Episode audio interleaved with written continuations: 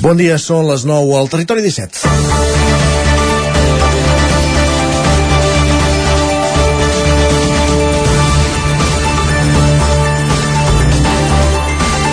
La flamant i lliure presidenta de la Comunitat de Madrid, per aquí la llibertat és prendre canyes en plena pandèmia i no en canvi poder prendre decisions per una mateixa com pot ser el fet d'avortar, va explicar ahir que té unes cosines a Catalunya que se saben les comarques catalanes, però en canvi no els rius i la geografia peninsular.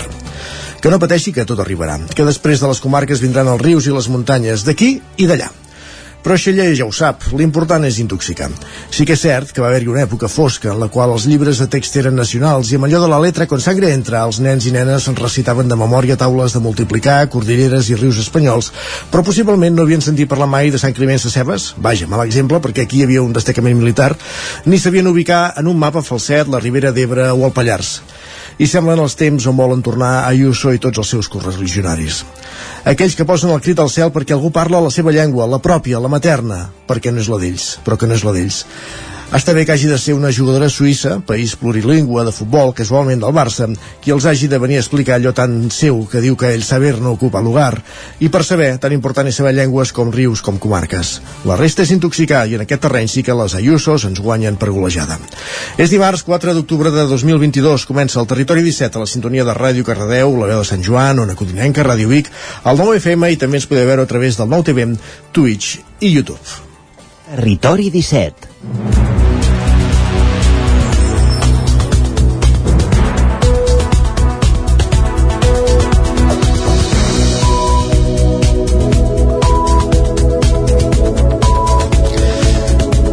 És dimarts 4 d'octubre, passen ara mateix dos minuts del punt de les 9 del matí, ens disposem a arrencar, a començar el territori 17, a posar-lo en marxa, tot seguit ens posem al dia amb les notícies més destacades de les nostres comarques, connectant amb les diferents emissores del territori 17.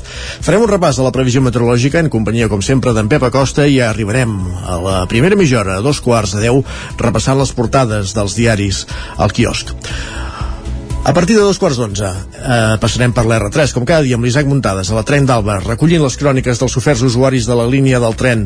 Avui a l'entrevista anirem fins a Cardedeu per parlar de les jornades modernistes de Cardedeu amb l'Òscar Muñoz i arribarem al punt de les 10 com cada dia amb música. Ens actualitzarem més ens tornem, tornem a escoltar la previsió meteorològica amb Pep Acosta i a partir d'un quart d'onze serà moment de parlar d'economia avui amb Joan Carles A. Redondo el cap d'economia del 9-9 del Vallès Oriental que ens parlarà de la paritat entre l'euro i el dòlar, una paritat en la que l'euro en les darreres setmanes ha anat perdent pes ens ho explicarà en Joan Carles A. Redondo, com dèiem a partir d'un quart d'onze uh, i encararem l'última mitja hora del programa com sempre capbussant-nos a Twitter amb en Guillem Sánchez i acabarem avui amb el territori dona l'espai, ja ho sabeu, on cada setmana l'equip femení del territori 17 ens posa una mirada femenina a l'actualitat. Dit tot això, el que fem és posar-nos al dia actualitzar-nos amb les notícies més destacades a les nostres comarques. Comencem a Osona, perquè s'hi ha presentat Emprenedona, l'associació de dones emprenedores nascuda al Ripollès que s'expandeix cap a Osona, on ja ha creat una comunitat de més de 80 sòcies. S'han presentat amb l'anomenat Sopar de Jefes. Clàudia, Clàudia Dinarès. L'associació Emprenedona es tracta d'una associació que va néixer al Ripollès l'any passat i que engloba una comunitat de dones emprenedores d'aquesta comarca, a més d'Osona, la Garrotxa i la Cerdanya. Precisament al mes de setembre es va obrir oficialment la convocatòria a Osona fent l'entitat, eh, fent que l'entitat compti actualment amb més de 20 dones. L'objectiu és compartir inquietuds i crear una xarxa entre dones. En l'acte de presentació que es va fer dijous passat a l'establiment La Ciutat dels Sants de Vic es va presentar i explicar què és exactament l'associació. Sentim a una de les seves fundadores, Lara Andrés. Emprenedona és una associació que va néixer per fer nexe d'unió entre emprenedones, emprenedores, que ara són emprenedones, entre empresàries, eh, dones que tinguin un projecte entre mans i que potser es trobin una mica soles. I aleshores el que fem sobretot és molt networking, ajudar-nos unes a les altres i crear doncs, vincles d'unió i de confiança. Des d'un bon principi sempre ens hem volgut estar a Osona perquè entenem que Osona és un lloc on hi ha molt moviment, hi ha moltes dones amb molta empenta, però nosaltres som de Ripoll i creiem que el més adequat era primer començar a Ripoll, veure com funcionava i després mica en mica doncs, anar expandint. A l'acte hi van intervenir les seves fundadores, Lara Andrés i Laura Prat, i Creacció, que els ha ajudat a l'aterratge a Osona. Després es va fer una dinàmica de grup amb totes les dones inscrites i la vetllada es va tancar amb l'anomenat sopar de jefes. Més qüestions. Els Mossos d'Esquadra detenen dos homes per tenir més de 220 plantes de marihuana a Campelles. Isaac Muntades, la veu de Sant Joan. Els Mossos d'Esquadra van detenir dos homes de 38 i 39 anys per tenir una plantació de més de 220 plantes de marihuana a Campelles. Les plantacions estaven ubicades a dos camps a l'aire lliure, un d'ells al veïnat de Roques Blanques, on la policia catalana va trobar plantes en l'estat de creixement inicial, en què fan una mida d'entre 20 i 30 centímetres. El segon camp era el paratge del bosc d'en En aquest cas, les plantes ja feien un metre d'alçada i estaven en una fase més avançada del seu creixement. Els dos homes, que se'ls va detenir dimecres i que no tenien antecedents, se'ls acusa d'un delicte contra la salut pública i van quedar en llibertat amb càrrecs després de declarar divendres davant del jutge de Guàrdia de Ripoll. La investigació per trobar aquestes plantacions ja ve d'uns mesos abans, quan es va detectar que en aquests paratges naturals s'havia preparat la terra per a conreus no destinats a l'agricultura. El seguiment posterior va permetre descobrir-les. Segons l'Agència Catalana de Notícies, la detenció es va fer pels vols de les 9 del vespre del dia 28 de setembre, quan els dos acusats van ser enxampats infragant i fent el manteniment de la plantació. En total es van confiscar 221 plantes i també es van localitzar sacs plens de terra d'adob, un dipòsit d'aigua de 1.000 litres de capacitat, un generador elèctric de combustible, una bomba de buidatge i mànegues per poder garantir el rec. Cal recordar que no és la primera vegada que Campelles es relaciona amb la marihuana, ja que l'agost de l'any passat els Mossos van detenir un veí de Ripoll acusat de ferir un altre home en una masia del poble durant una discussió per una plantació de marihuana. Llavors el detingut va colpejar la víctima amb la culata d'una escopeta. Gràcies, Isaac. Encara a la pàgina de successos, els Mossos d'Esquadra de la Unitat d'Investigació de la Comissaria de Granollers han detingut un home de 24 anys com a presumpte autor de quatre robatoris amb força a domicili, dos robatoris amb força establiments i un robatori amb intimidació comesos a Sant Antoni de Vilamajor. Òscar Muñoz, Ràdio Televisió Cardedeu. Els investigadors van detectar que en un curt espai de temps va haver-hi quatre robatoris amb força a Sant Antoni de Vilamajor. Els fets poc especialitats van fer pensar des d'un primer moment que l'autor era una persona resident al municipi o a un municipi proper, expliquen fonts policials.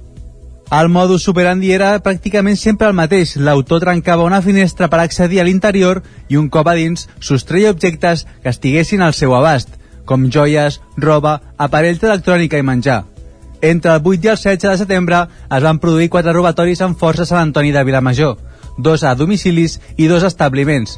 Amb tota la informació recopilada, el dia 27 de setembre els investigadors van detenir el presumpte autor dels fets a Sant Antoni de Vilamajor.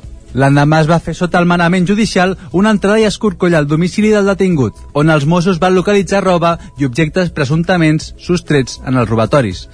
A banda, els investigadors relacionen el detingut amb dos robatoris amb força a domicilis a Granollers els dies 20 i 21 de setembre i un robatori amb intimidació a un establiment comercial també a Granollers. El detingut va passar a disposició judicial el 28 de setembre davant del jutjat d'instrucció en funció de guàrdia de Granollers, el qual va decretar el seu ingrés a presó. Gràcies, Òscar. Més qüestions. Montesquieu inaugura una escultura de Pere Casnoves dedicada al 1 d'octubre de 2017. Durant els actes commemoratius del cinquè aniversari del referèndum d'autodeterminació, també es va descobrir la placa commemorativa que dona nom al 1 d'octubre a la sala d'actes. La trencadissa política que ha conduït el govern de Pere Aragonès a una profunda crisi entre Esquerra Republicana i Junts per Catalunya no ha impedit que municipis com ara Montesquieu hagin commemorat el cinquè aniversari de l'1 d'octubre. L'escultura que commemora el referèndum d'autodeterminació obra de l'artista local Pere Casanovas va presidir tots els actes del programa, una escultura que a partir d'ara es podrà veure al pati de l'Ajuntament i que es va il·luminar per primera vegada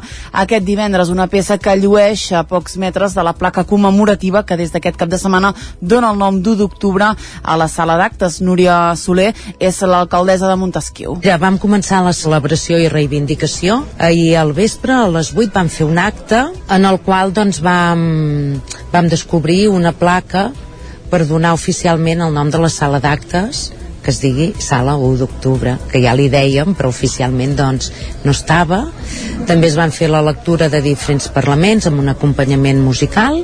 Dissabte a la placeta hi va tenir lloc la part més reivindicativa del programa. Membres de l'equip de govern municipal, però també de l'ANC Bisaura i del CDR coincidien en els seus parlaments en destacar la necessitat de recuperar l'esperit del primer d'octubre, Núria Soler perquè va ser un dia històric, no? Pel poble, per tots els pobles, pel nostre país, i en aquí, doncs, al ser un poble tan petit, en aquell dia tot el poble va sortir i tots units vam defensar l'espai on vam votar, que va ser justament aquesta sala de l'1 d'octubre. Llavors l'activitat d'ahir també era com per retre un homenatge a totes les persones que van venir a acompanyar-nos no? i que van fer nit i que van fer la vigilància durant la tarda, del dia abans, tota la nit i tot el dia. Un acte que va tenir lloc un cop acabada la botifarrada popular i que va donar pas a la inauguració al Centre Cívic de Montesquieu d'una exposició de fotodibuixos per la independència, una mostra d'Eugeni Bel. Més qüestions. Els Sagals Osona van obtenir una meritòria tercera posició a la jornada de dissabte del 28è concurs de Castells de Tarragona. En la competició de colles de 8, els usonencs van compartir el tercer graó del podi amb els nens del Vendrell. En primera posició hi van quedar els castellers de la Vila de Gràcia i els marrecs de Sal van ser segons. La colla usonenca va completar un 5 de 7, un 4 de 8 que havien descarregat per la festa major i l'exigent torre de 7. Els segals també van fer un intent desmuntat de 7 de 7. Va ser la millor actuació de la temporada en un any marcat per les dificultats de reprendre l'activitat castellera després de l'aturada aturada de la pandèmia.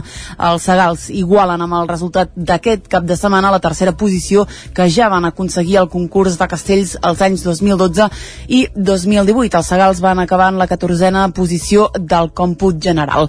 Els xics de Granollers, per la seva banda, van acabar el concurs en 18a posició després de descarregar un 4 de 7 amb agulla, un 4 de 8, un 7 de 7 i un 5 de 7. En aquesta edició els guanyadors han estat els castellers de Vilafranca que van superar les joves i la vella dels xiquets de Vall eh, de Valls. Els verds van arrencar el concurs descarregant el 3 de 10 en folre i Manilles també van descarregar el 5 de 9 en folre i van carregar el 4 de 9 sense folre. Manlleu ha celebrat aquest cap de setmana la, el 30è aniversari de la Fira Gastronòmica del Port i la Cervesa, del Porc i la Cervesa.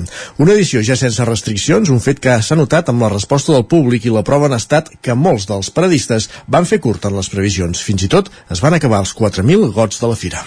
El 16 d'octubre de 1992 es punxava el barril inaugural de la primera festa del porc i la cervesa de Manlleu inspirada en l'Octoberfest alemany.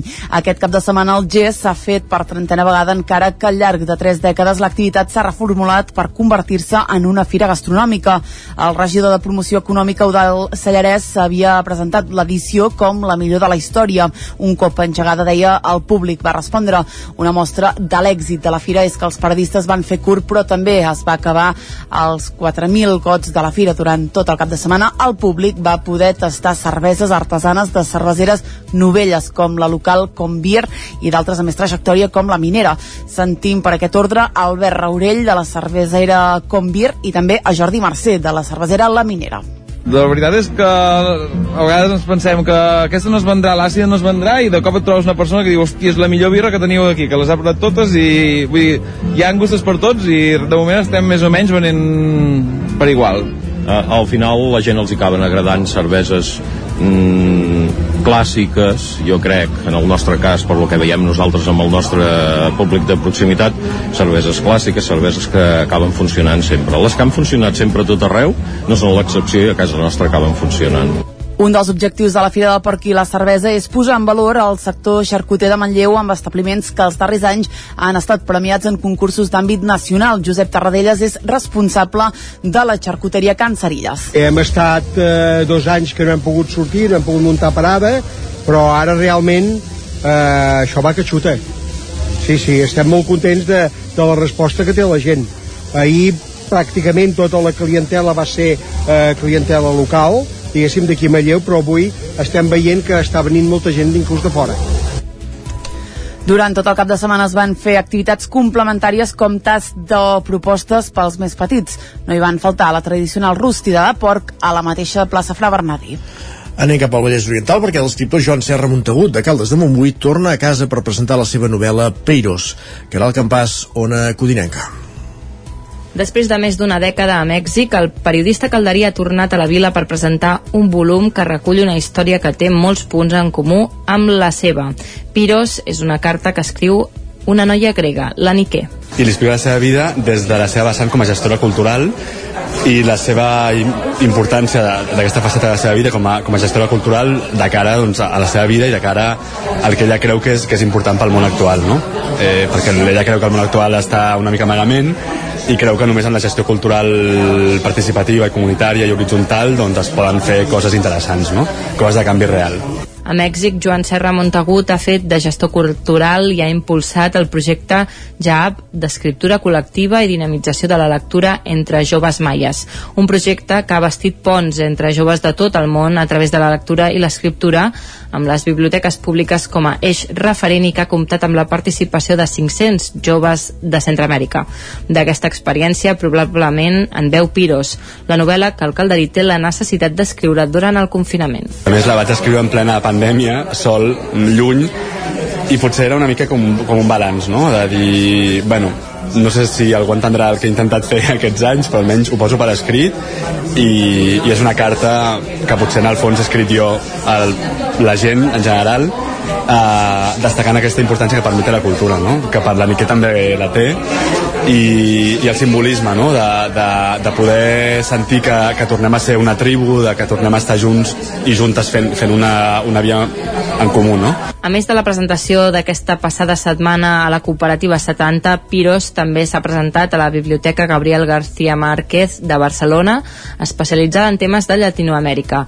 Per Joan Serra, la presentació de Caldes va ser un tancament de cicle, ja que fa tot just 10 anys i va presentar el seu primer llibre, Jab. Esports. I a la pàgina esportiva us expliquem que Osona ha tornat a deixar clar el seu lloc preeminent en el món dels raids hípics. Així ho han demostrat la disputa de l'Europeu Júnior i el Mundial de Joves Cavalls a Vic aquest cap de setmana. Els usonencs Joana Ullastre i Gerard Casadesús es van penjar l'or i la plata en la prova continental i també l'or per equips. Els usonencs Joana Ullastre i Gerard Casadesús van aconseguir l'or i la plata en l'Europeu Júnior de Raids disputat a Vic aquest divendres. Els genets, que formaven part del grup estatal íntegrament usonenc, van dominar la prova des de l'inici inici. Al final es va decidir que Ullastre i Casa de Sus creuessin la meta junts. Sentim uh, per aquest ordre la campiona Joana Ullastre i també el subcampió Gerard Casa de Sus. És la carrera que he disfrutat més de tota la meva vida, de segur. Tant com l'EUGA, bueno, que ha sigut espectacular durant tot el rato i és una EUGA que es disfruta moltíssim ha sortit molt tranquil·la de matí ha, ha, fet, ha anat fent tot el que se li ha demanat tranquil·la la veritat és que estic molt content, molt orgullós del meu cavall i de la carrera que ha sigut. No ha sigut una carrera ben bé fàcil ja que el terreny d'aquí a Osona no ens ho permet ser que sigui una carrera molt fàcil però la veritat és que molt, molt guai i brutal la carrera Ullastre, la vencedora, és de Vilallaons i té 17 anys i casa de Sus de l'Esquirol en té 20. Els dos, però, van començar amb cavall des de ben joves. El divendres van competir amb cavalls de la quadra Jumas Team i el, el de Casa de Sus va ser reconegut, a més, amb el títol de millor condició. Ignasi Casas, cap de l'equip i seleccionador, es mostrava satisfet pels resultats. La tàctica era una tàctica molt, uh, molt arriesgada, molt, molt, molt intensa des de la sortida, amb els cinc cavalls corrent a davant, perquè també és la veritat que tenim un equip molt potent i som una mica la referència. I llavors si nosaltres no marquem el ritme els altres no corren. I llavors la carrera és massa lenta nosaltres volíem una carrera ràpida. I la veritat que ens ha sortit bé. Sempre amb el risc, que és el que ha passat que hem perdut un cavall, el de la Raquel i un altre ha tingut un problema de la Clàudia també de, de, de coixera, però bueno, és part del joc. I estan al límit però tot i així amb tres cavalls pues, eh, és suficient per l'equip i hem, hem guanyat també per equips en la jornada de diumenge de caràcter individual i de 123,3 quilòmetres, igual que l'europeu, el vencedor del campionat del món va ser el príncep de Bahrein, Nasser bin Hamad el Khalifa. Les dues cites que van omplir d'activitat la zona esportiva de Vic van ser possibles gràcies a l'organització de l'Endurance Club Hípic de Vic.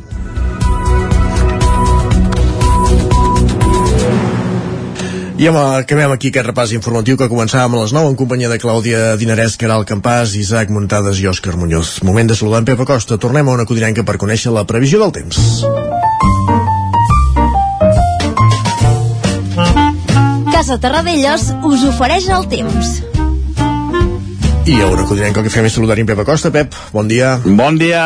Anem avançant setmana. Uh -huh. Anem avançant al mes d'octubre ja veieu eh, que el calendari anem passant les, uh, les pàgines ben de pressa i el que no passa ben de pressa és aquest anticicló centre-europeu que tenim aquests dies uh, situat uh, al vell mig de França entre França i, i, i Bèlgica uh, bueno, a la zona ben bé central europea abarca molt territori, abarca molts, eh, molts països i és, sens dubte, l'amo i senyor de la situació meteorològica. Aquesta nit no ha fet fred, temperatures eh, bastant agradables, la majoria entre els 12 i els 18 graus. Per exemple, 12 graus de mínima a Ripoll, eh, 14 a Tradell, mm, valors molt semblants eh, a moltes zones. Eh? Han estat bastant uniformes les mínimes, lògicament molt més baixes a alta muntanya, una mica més altes que pel peritoral a les nostres comarques, però en general això, eh, bastant uniformes, entre els 12 i els 18 graus de eh, temperatura, amb un cel serè, molt poques novetats, i de cara al migdia només mm, creixerà alguna nuvolada de tot, de tot testimonial, del tot inofensiva, cap a les comarques de l'interior i de muntanya. Uh, la temperatura al migdia continua aquest ambient agradable, aquest entre cometes estiuet que, tenim, perquè les màximes seran entre els 22, 26, 27 graus a tot estirar. Mm, per tant, molta, molta, molta suavitat, un ambient molt tranquil, uh, aquest anticicló ferm, fort i, i, que, i que està bé. O, si, si el tio si tu estàs un lloc bé, doncs perquè has de marxar no? doncs aquest tio, aquest anticicló ja està bé aquí al mig d'Europa de, i de moment no vol marxar. I això és tot. Eh, ens escoltem demà. Mm, però ja aviso que hi haurà poques novetats. Continuem amb aquest ambient eh, molt tranquil i amb aquesta, eh, aquest, amb aquesta mica d'estiuet que estem passant aquests dies. Esperem que canvi perquè la situació de sequera, com ja fa molt temps que dic, és molt, molt preocupant. Moltes gràcies, adeu. Esperem que marxis, on sí, aquest tio, aquest, aquest anticicló. Va, eh, anem cap al quiosc, que farem la Gràcies, Pep. Casa Tarradellas us ha ofert aquest espai. Com deia, moment d'anar al quiosc, moment de conèixer les portades dels diaris del dia. Clàudia, per on comencem? Comencem per el punt avui, anem cap a Barcelona. El punt diu consulta sense acord, és una mica el tema del dia a la premsa catalana. Diu Junts per Catalunya formular una pregunta en positiu sobre la continuïtat en el govern. La votació interna arriba sense que s'hagi tancat cap entesa amb Esquerra Republicana.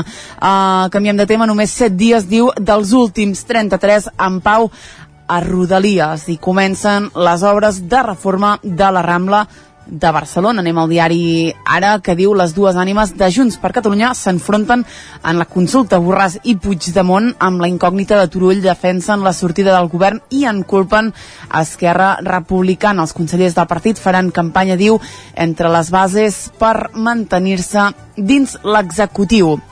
Anem al periòdico, uh -huh. que en la mateixa línia diu Junts deixa en mans de les seves bases el govern a la imatge. La Rambla entra al quiròfan. Comença la reforma de l'emblemàtic carrer que durarà fins l'any 2030 i pretén que els barcelonins tornin a ramblejar. També parla de Blond, aquesta pel·lícula interpretada per Anna de Armas que diu Un viatge al mite que divideix. Anem a l'avantguàrdia que diu Tras retira la rebaixa fiscal als rics per calmar els mercats. El pla de la primera ministra britànica de reduir els programes socials també resulta políticament inviable. I a la imatge hi veiem la cúpula major de Junts per Catalunya amb aquesta pregunta que, que faran a les bases que diu vols que Junts continuï al govern i en clau internacional el curt avantatge de Lula sobre Bolsonaro deixa oberta l'elecció una consulta a la militància de Junts que es farà entre dijous i divendres. Exactament. Més. Anem a Madrid, anem al país que diu Tras cedeix davant del seu partit i els mercats al retirar la rebaixa fiscal dels rics. Anem directament eh, al Mundo que diu Ucraïna avança per tots els fronts davant un exèrcit rus exhaust. Uh, i alerta una dada que dona al Mundo, només Turquia i Mèxic tenen més joves poc qualificats que Espanya. Anem a la raó, diu Feijó, pretén portar al centre el PP basc i també el PP català i l'ABC diu varis ministres van evitar rebre les denúncies sobre enxufisme a l'ambaixada denúncies sobre enxufisme. Carai. Enxufisme, exacte. Repassem ara els digitals del 99 a la 9.cat, Osona i el Ripollès i Vallès Oriental, però comencem Però comencem, doncs comencem per l'edició del Vallès, que diu el Montseny comença el procés participatiu per fer el nou pla de protecció del medi natural i del paisatge. Altres titulars, Juan Antonio Corchado optarà a tornar a ser el candidat del PSC a les franqueses i l'Ametlla injecta 62.500 euros al complex esportiu municipal per evitar que tanqui de forma immediata i a l'edició d'Osona i el Ripollès. Doncs bé, hi veiem una imatge de la festa del porc i la cervesa diu autoestima manlleuenca. Ja veiem eh, que aquesta edició va ser un gran èxit com ja preveia el regidor d'ocupació econòmica. Exactament. Uh, més notícies de l'edició d'Osona i el Ripollès. Seguidor a terra a l'Índia després de l'adquisició d'Open Trends dos detinguts per cultivar marihuana a Campelles i la partida d'escacs que marcarà el futur del govern català. És una altra de les notícies que apareix avui en portada. Perfecte, moltes gràcies, Clàudia. Deixem enrere ja el quiosc i avancem en aquest territori 17 d'avui di... dimarts, dimarts, dimarts 4 d'octubre. Repassat aquestes portades on a eh, Catalunya doncs, aquesta crisi de govern o, o la consulta que farà la militància Junts per Catalunya hi té un protagonisme predominant. Eh, la política internacional amb, amb les eleccions al Brasil també ocupa pàgines eh, portades eh, sobretot a la premsa madrilenya. Avancem al territori 17, fem tot seguit una pausa i després tornem. Parlarem de les jornades modernistes de Cardedeu que se celebraran els propers dies. De fet, anirem de seguida cap a Ràdio Televisió Cardedeu per saludar l'Òscar Muñoz i, com dèiem, aprofundir en aquesta activitat que es farà durant aquest primer cap de setmana d'octubre, el proper cap de setmana. Coneixerem tots els detalls d'aquestes jornades modernistes de Cardedeu tot seguit, just després de passar per la R3 a dos quarts en punt. Com cada dia, recollirem la crònica dels oferts usuaris de la línia del tren en companyia de l'Isaac Muntades de la Tren d'Alba i després, com dèiem, parlarem d'aquestes jornades modernistes de Cardedeu. Avui el territori 17 també serà també es torna a parlar d'economia. Parlarem de la paritat euro-dòlar amb en Joan Carles Arredondo a partir d'un quart quart d'onze serà després de, de l'actualització de les notícies del punt de, de les 10. I ara, com bé us dèiem, fem una petita pausa per la publicitat. Tornem d'aquí 3 minuts al territori 17 amb la resta de continguts que us tenim preparats per aquest dimarts 4 d'octubre de 2022. El nou FM, la ràdio de casa, al 92.8. Cobertes serveis funeraris els nostres tanatoris estan ubicats en els nuclis urbans més poblats de la comarca d'Osona per oferir un millor servei. Tanatori de Vic, Tanatori de Manlleu, Tanatori de Centelles i Tanatori de Roda de Ter. Sabem que són moments difícils i per això el nostre compromís és atendre-us en tot moment amb un tracte humà, sensible i respectuós. Cobertes serveis funeraris. Telèfon 24 hores 93 883 23 46. Has d'organitzar un esdeveniment? A l'Ineixat lloguem les cadires, taules, plats, coberts, rams de flors i tota la decoració necessària per preparar qualsevol esdeveniment. Vine a buscar material per a festes, casaments, celebracions culturals, espectacles, concerts o reunions d'empresa i de família. Ens pots venir a veure al passeig de la Generalitat número 52 Baixos de Vic, buscar-nos a les xarxes o trucar-nos al telèfon 670 38 96 25. Ah, i també ens trobaràs a Girona. A l'Ineixa tenim tot el que pots necessitar per fer-te la vida més fàcil. El diumenge 9 d'octubre tornen els bolets a ceba. 24a edició de la Festa del Bolet, una de les fires de referència pel sector boletaire a Catalunya. Hi trobaràs les tradicionals parades de productes relacionats amb els bolets, testets i exposicions, activitats i actuacions i l'esperat concurs de bolets. Vine a la 24a Festa del Bolet de Ceba. Més informació a ceba.cat. Amb Pradell estalvio energia i cuido la meva butxaca i el medi ambient. Posa't en mans a Pradell, són experts en calderes de gas i condensació, estufes de pèl·let, energia solar, terres radiants i geotèrmia. Pradell instal·la calderes de biomassa per a particulars i per a empreses. Si vols estalviar un 50% en consum, contacta amb Pradell i passa't a les energies renovables. Pradell, som a l'Avinguda Països Catalans 27 de Vic. Telèfon 93 885 1197. Pradell.cat Cocodril Club. Si t'agrada la bona música dels anys 60, 70 i 80, escolta el 9 FM als matins de dissabtes i diumenges d'11 a 1. És el temps del Cocodril Club, tot un clàssic de la ràdio, amb les bases del pop-rock, les llegendes, les cançons que s'han convertit en autèntics himnes. Recorda, dissabtes i diumenges al matí, d'11 a 1, al 9 FM 92.8. Cocodril Club, el programa revival de l'Albert Malla. Hasta luego, cocodrilo. Anuncia't al 9FM. La màquina de casa. 9 3 8 8 9 4 9 4 9. Publicitat arroba al 9FM.cat. Anuncia't al 9FM. La publicitat més eficaç. El 9FM, el 9FM, el 9FM, el 9FM. Territori 17.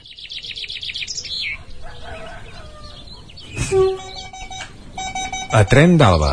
Cada dia els usuaris i usuàries de la línia R3 de Rodalies que veuen sortir el sol des d'un vagó ens expliquen les gràcies i les penes del primer comboi que uneix Ripoll i Barcelona o les feixugues jornades amb el tren després de treballar.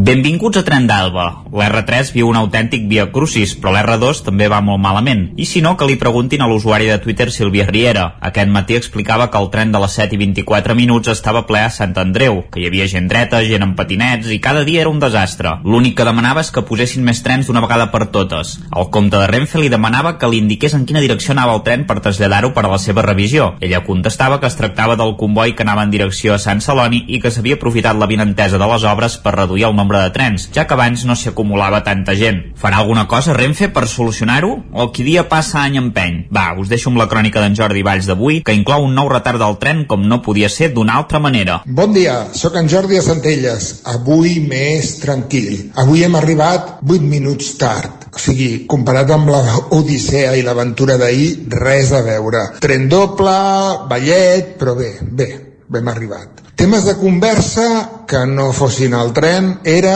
què ens hagués agradat ser de grans. Encara estem així, eh? I jo estic ben calvo. Però sí, sí, ha estat curiós companyes de tren que amb un perfil molt marcat eh, començaven a parlar què els hi agradaria ara, un cop vista la vida i un cop les experiències i tot, canviar eh, la majoria de tots i totes de trajectòria professional, de vocació, de ganes. El millor de tot, que somiàvem ja sé, és molt d'hora, a les 6 del matí, però somiàvem i som gent que no tenim 15 anys. I és guai com- compartir somnis, compartir experiències, no sé, ha estat una baixada xula, així com el tren també baixava a bon ritme i tal. Bé, bé, positiu. Què us agradaria ser de grans? Penseu-hi. Vinga, adeu-siau i cuideu-vos molt. Doncs mira, als dibuixos d'en Xinxan el seu protagonista deia que de gran volia ser avi i s'imaginava ell mateix amb més de 60 anys. Jo em conformaria en ser jubilat, però serà difícil veient com anirà pujant l'edat de jubilació perquè serà impossible poder pagar les pensions a tothom. En fi, esperem anar a millor. Va, ens retrobem demà amb més històries del tren i de l'R3. Territori 17. Envia'ns les teves notes de veu per WhatsApp al 646 079 023. 646 079 023. WhatsApp Territori 17.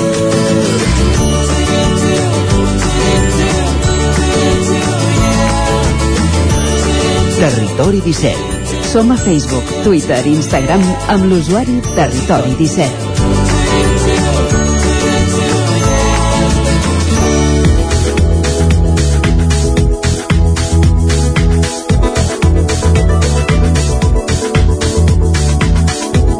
Tres minuts que passen de dos quarts de deu al territori 17.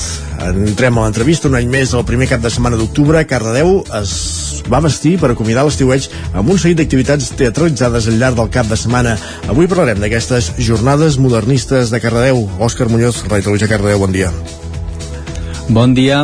Doncs sí, avui tenim a l'estudi en Marc Felipe, ell és actor i va participar en aquestes jornades modernistes. I bueno, doncs bon dia, Marc. Molt bon dia, Òscar.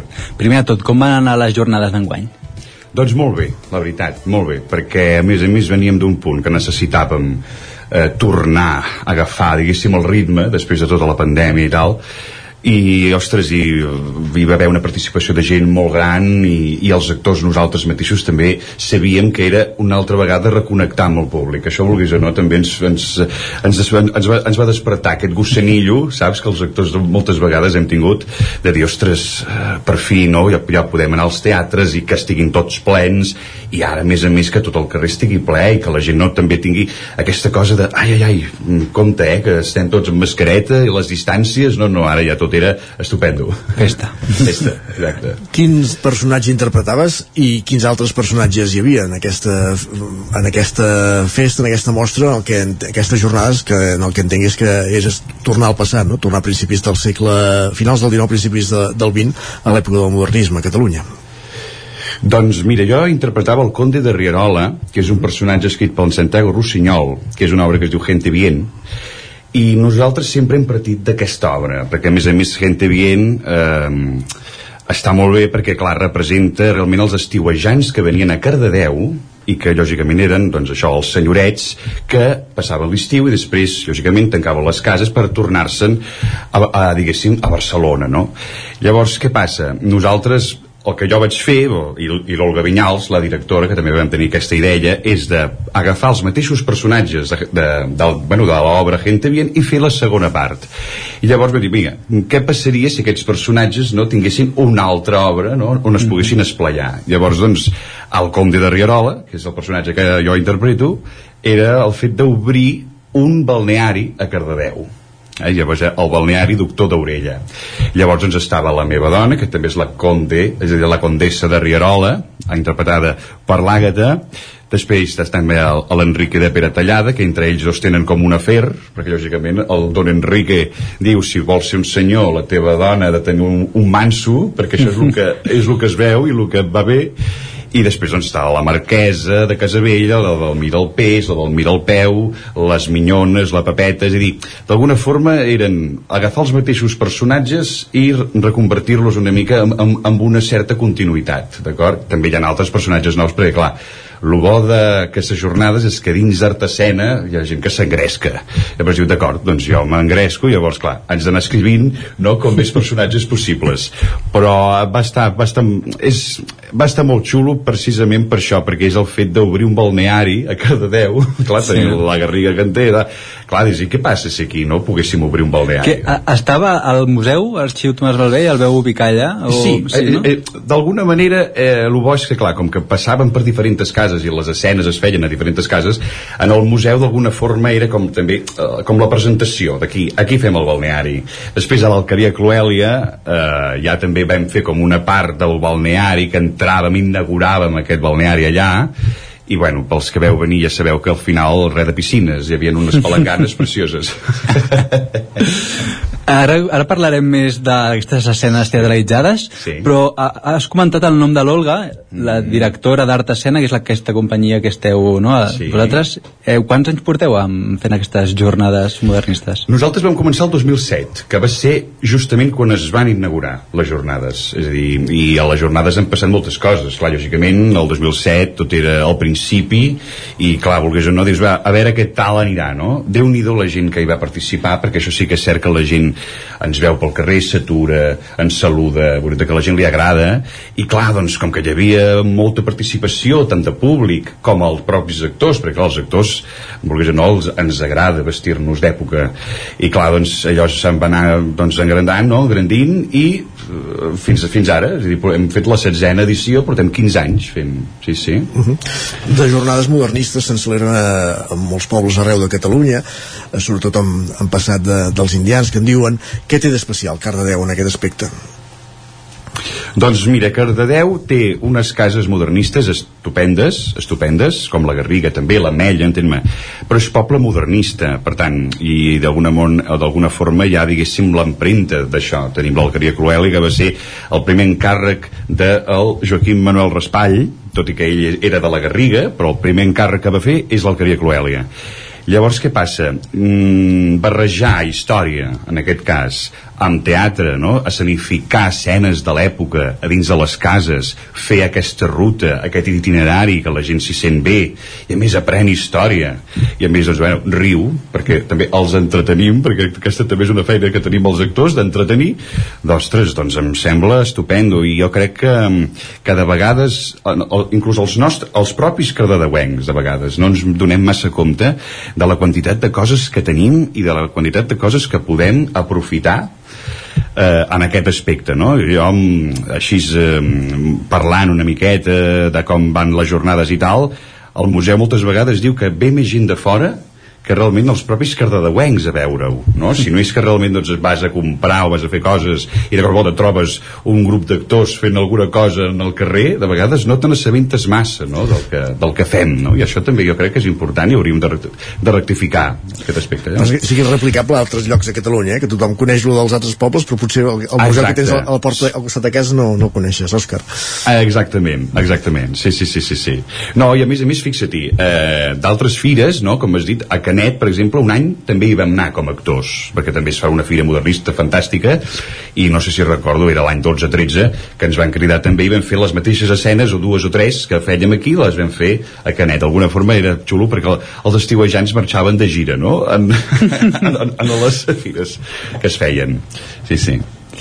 Has comentat aquests actes que veu fer Canet, o sigui, també veu fer dissabte, veu realitzar aquestes dues escenes teatralitzades, l'escena del ball i festa i l'escena de les mestresses i senyores. Sí. Què ens pots explicar d'aquestes escenes? No, mira, això va ser perquè aquest any amb la xarxa de comerç, no, es va dir, ostres, està bé que, que, que els actors s'acostin, diguéssim, als comerços, no, a les tendes. Llavors el dissabte jo no hi vaig poder ser, però he vist vídeos i ja m'han enterat i estaven totes fantàstiques.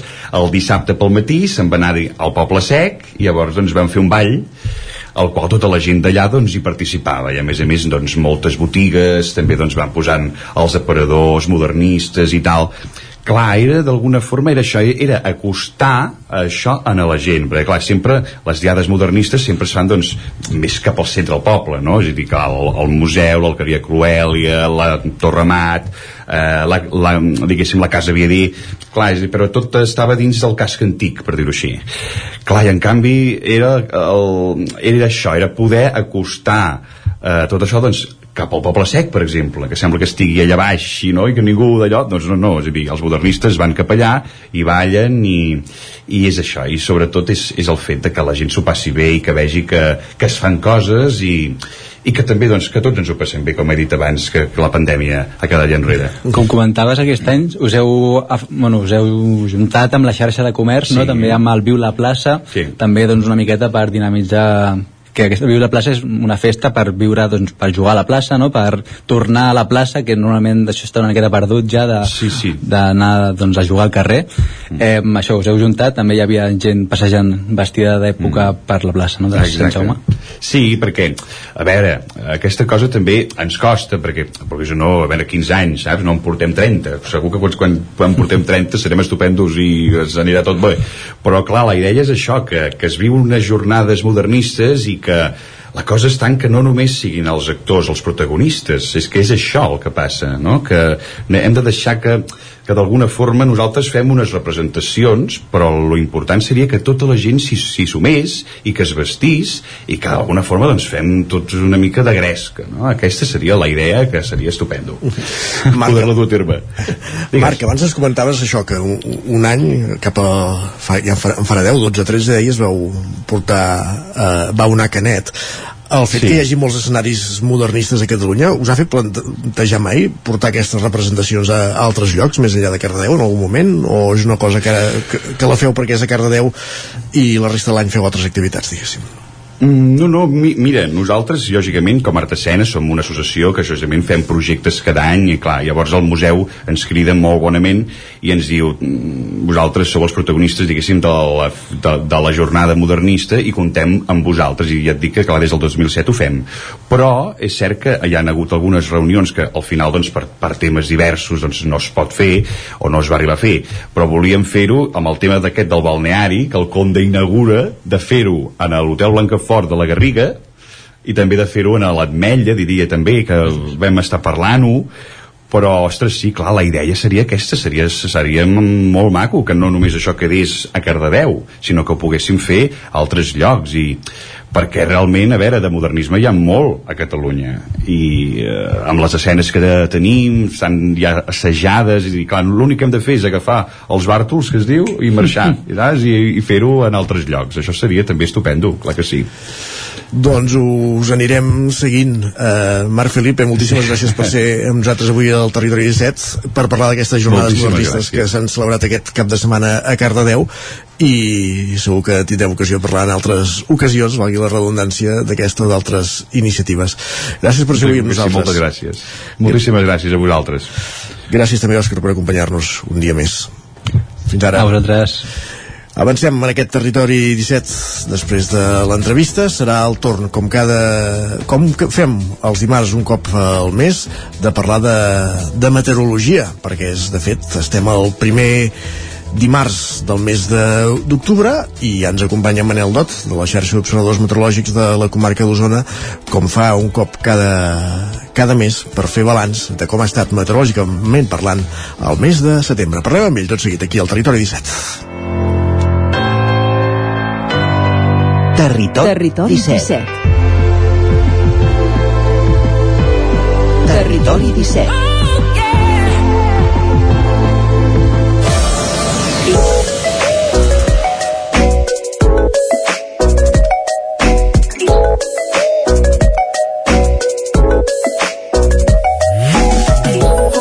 Tres quarts de 10 del matí i a l'estudi de, als estudis del 9FM hi tenim en Manel Dot. Benvinguts, Manel, un mes més. Gràcies per ser amb nosaltres.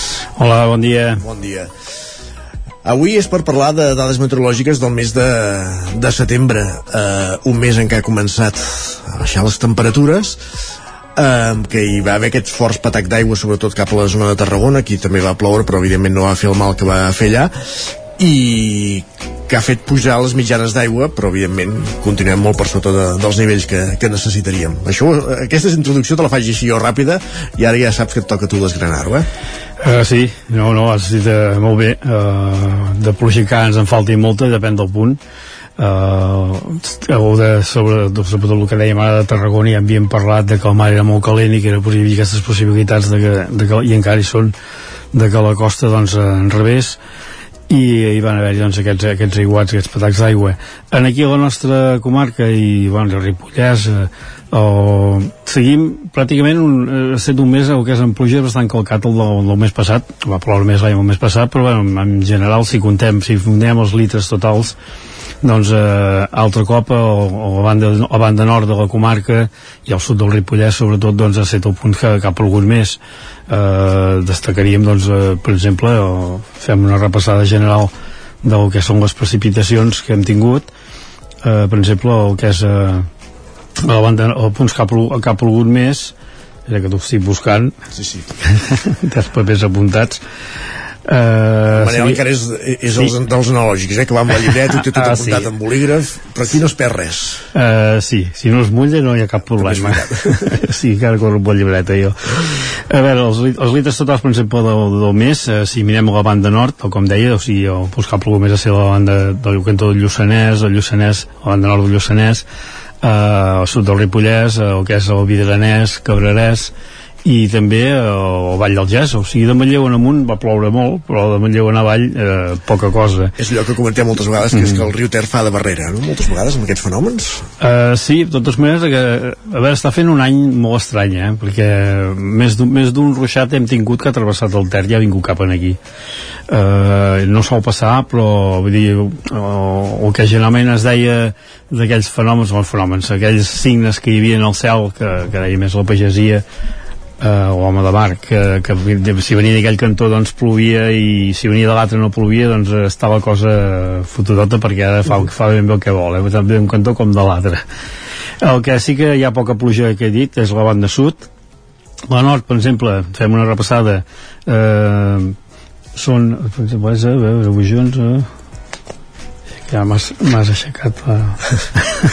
Ara té- ara, ara, home, ara ho he trobat t'he fet despistar. m'he equivocat de pàgina uh, per exemple el que és eh, Vidrà van caure 176 litres.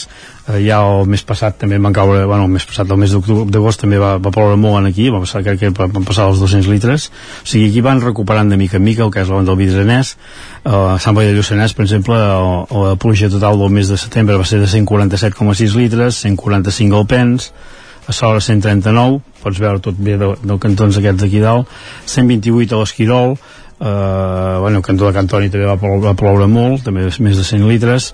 I en canvi el que és la banda sud doncs mira el Collxospina el total és de 15,2 litres 16,3 a Ceba, el Roures a Malla amb 16,6 a Centelles 17 amb 8, 23 a Taradell o 32,4 per exemple a Vic el total de, de la pluja que hem tingut aquest mes. Uh -huh. la, la mitjana per exemple de Vic el mes de setembre és de 77 litres 77 litres i mig vull dir que ha, ha caigut poca pluja el que és la banda del cantó sud sobretot. Eh, el Ripollès doncs eh, déu nhi també depèn del punt. A Ribes de Freser per exemple van caure durant el mes 231 litres. A Gombrany 161,8 o sigui que si em dius on hem d'anar a buscar bolets em sembla que no... Ara, ara t'ho anava a dir. El, el mapa, el mapa t'ho diu ben clar, eh? Sí, sí. De fet, bé, ho dèiem aquesta setmana, eh, ho dèiem ahir, que el Ripollès també és la comarca on hi ha més rescats de muntanya, però alguna cosa deu ser. Suposo que els bolets uh, també tenen alguna cosa a veure. Sí, sí, hi ha gent molt imprudenta també, no vigilen. No només, eh, però també hi tenen alguna cosa a veure. Del, del, del que és el mes en general, doncs ha estat només, no és que hagi plogut molts dies, almenys el que és la, la, banda, la banda nostra, la banda del centre Navall, Uh, però per exemple el destacat pràcticament els, els, o sigui, els litres que van caure van caure pràcticament tots en un parell de dies a finals de mes, o sigui la, la primera quinzena de, del mes de setembre va ser una quinzena més càlida amb temperatures sí. altes. La mitjana està per sobre altre cop per sobre del, del que li tocaria. Pràcticament quasi bé dos graus no arriba als dos graus, perquè se'n falta però, i eh, destacar els 30 que eren 34-35 graus que van tenir de màximes i el que és de, de precipitacions doncs els, els dies 23, 24, 25 doncs eh, per exemple el Pens van caure 88,2 litres en aquests dos tres dies. Dos dies van ser pràcticament. Eh, a Bellmunt 59 amb 8 Manlleu hi ha menys, 32 amb 8 68 eh, amb 4 de Torelló. Això són pluges d'aquesta tongada d'un parell de dies, vull dir que va ser molta aigua. A Sant Pere de Torelló 72,8 108,2 a Vidrà a Cantoni Gros amb 73,6 a Prats de Lluçanès 78 eh, al final van sumar cap als 90 en total aquí falta, falta, falta un dia encara en aquí. En canvi el cas de més avall, bueno, en un dia aquí encara déu nhi va ploure bastant, en Roda de Ter 34 litres, a Sant Julià de Vilatorta 20 eh, conforme anem baixant cap avall doncs menys aigua, 12,4 per exemple a Centelles, o sigui de, del 108 de Vidrà als 12,4 de Centelles per veure les diferències que hi ha hagut eh, o sigui, de moment el que és en precipitacions segueix, ara s'ha recuperat una mica el pantà, sí. molt poc, perquè estava molt baix, havia arribat un 24% i ja una mica menys i tot, el que és el de Sau, ha, ha pujat una mica, s'ha recuperat una mica, però bueno, costa, costa, costa, costa omplir-lo sí, costa de, i, de, i de, de vegades, moltes vegades també ens fixem amb això, amb el pantà de Sau amb la punta del campanar, però hem de tenir en compte també que, que Sau forma part del que en diuen el sistema Sau Susqueda, mm -hmm. i que mhm. moltes vegades buiden o omplen, o, omplir no, però buiden si més no, en funció també de, la, de les conveniències de, del que en diuen el sistema uh, volia preguntar, Manel mm -hmm. perquè uh, dèiem això, que la pluja es va concentrar sobretot en dos dies sí que és cert que a partir d'aquestes pluges el que hem vist és una baixada de termòmetres mm, i, i diria que també relacionada amb, amb l'època de l'any. Abans ens ho deies, eh, que continuem estant que el mes de setembre s'ha tancat amb dos graus per sobre de, de la mitjana. No sé si aquest, aquesta entrada al mes d'octubre en què ja necessitem rebaquetes al matí quan sortim de casa, sobretot al vespre si sortim els caps de setmana necessitem ja una mica més de, de bric eh, és el que tocaria o encara hauria de ser més baixa la temperatura tenint en compte eh, els històrics Bé, si mirem molts anys enrere, eh, sí que hauria de ser més baixa. Eh, de fet, a veure, la que vam entrar, eh, o sigui, el, el que és la tardor, eh, tant l'astronòmica com la meteorològica van ser clavats aquell dia, perquè aquell dia va ser un mal baixar fort la temperatura, que és el que ens explicaves, i es van, jo diria, es van normalitzar les temperatures. Uh, però és allò que et deia aquest any és que és, és, és una mica enrebaçat perquè per exemple ara doncs, aquests últims dies uh, ahir mateix abans de dir o aquest cap de setmana passat de, ja parlem d'octubre ara doncs el que són la, les mínimes han estat, per exemple, a Baixa Bujons, a Sant Sadurní d'Ossos Morts, amb 2,2 graus, per exemple, vam tenir aquell dissabte, eh, a Rupit 5,4 7,1 Bellmunt serien temperatures mm, bastant normals per l'època però és que eh, en dos dies s'han pujat a 28 i 29 graus o sigui, els contrastos són molt bèsties els que tenim aquests, aquests últims dies aquests primers dies d'octubre uh -huh. i eh, el que tenim per exemple avui mateix hi ha, hi ha una, bona, una bona inversió tèrmica i temperatures que per exemple al cas de la, cap a dalt a Bellmunt doncs, deuen estar ho he apuntat per aquí, la mínima a la màxima, a la mínima per exemple a Bellmunt eh, no, no he posat, bueno, les màximes ahir van estar cap als 27, 28, 29 graus i les mínimes avui, el que és a muntanya estaven a 14, 15 graus i a les valls doncs estàvem a 5, 6, 7 graus és, dir, és el temps propici per agafar constipats ah, això està anava a dir. sí, bueno, això pensa que el que s'aixequi la boira el sol escalfarà de valent perquè avui encara els 26 graus els tindrem déu nhi Hem, ja fa temps que anem parlant de, de que el fenomen dels efectes de, del canvi climàtic amb, amb, amb l'increment de la temperatura de, del planeta. Del que també es comença a parlar molt darrerament en cercles meteorològics és d'aquesta tendència a deixar de tenir un clima mediterrani per començar a tenir un clima tropical per entendre'ns amb, amb tempestes molt més eh, violentes més accentuades i, mm. i, i que costen de, de preveure sobretot, no? diguéssim, perquè és això avui, el, el que dèiem abans el patà que va haver-hi a Tarragona amb tanta aigua en poc temps que clar, és impossible reaccionar pràcticament per molt que, que, ve, que vegis que n'està venint, que està venint una temporinada nova o ja en vam parlar més passat eh? el, el cas de, de la Bisbal d'Empordà Sí, bueno, el cas del Vibra de l'Empordà va ser molt bèstia, eh, estil del que va passar aquí també fa molts anys, el 1960, i eh, el cas de, bueno, es veuen, sí que es veuen clar, si t'entra una mica d'aire fred i eh, les temperatures al mar, al mar perquè és molt calent, hem estat, hem estat parlant llavors si entra una mica de depressió amb aire fred eh, ja saps que que o, o, o sigui, el, el part de l'humitat que desprèn, el, desprèn doncs, la, la temperatura del mar doncs el que farà doncs, és fer créixer nuvolades més molt més actives i, i donades tempestes aquestes violentes eh, ruixats, bueno, generalment al setembre, octubre penso que aquest, aquest mes d'octubre eh, no sé els anys que fa, ara fa molts anys però va ser, que va ser el 1864 no me'n recordo exactament que va, hi va haver, bueno, hi van haver-hi uns, uns aiguats molt, molt forts en aquí uh -huh. o el 1940, això eren les típiques llevantades que hi havia abans i que hi havia doncs, el mar també calent i feien doncs, que, que entressin aquests llevants que s'han esgotat pràcticament, que n'hi ha molt pocs però en quant en quant doncs encara, encara ho fa, no? Avui mateix, bueno, aquesta setmana mateix veurem com va eh, la costa es torna a complicar eh, sí que tenim o sigui, preveure-les mm, home, si sapiguem que hi ha el mar calent i que entra aire fred i hi ha una depressió, doncs sí que es pot preveure que hi pot haver-hi a les costes, això sí. Uh -huh. I ara ens deies aquesta setmana a les costes pot haver-hi moviment altre cop. Eh, quina, com, com veus a, a curt termini eh, la meteorologia d'aquesta setmana? Abans ens deia en Pep Acosta que estem en un, en un anticicló, que el tio uh -huh. està molt còmode, que no vol marxar. Eh, canviaran els propers dies tot plegat? Em sembla que sí que marxa a partir de divendres, però sí depèn perquè puja, puja hi ha una depressió bastant activa que puja per baix entre Alacant, el País Valencià, ja pujant fins a Tarragona i veurem què passa si ens arriben aquí. Sembla que aquí ens arribarien les escorraines, però bueno, toquem fusta perquè a vegades eh, s'altera i, i pot fer molt més, no? Eh, ja ens convé aigua, però no convé que caigui amb aigua torrencial, eh, que és el que pot passar a la costa.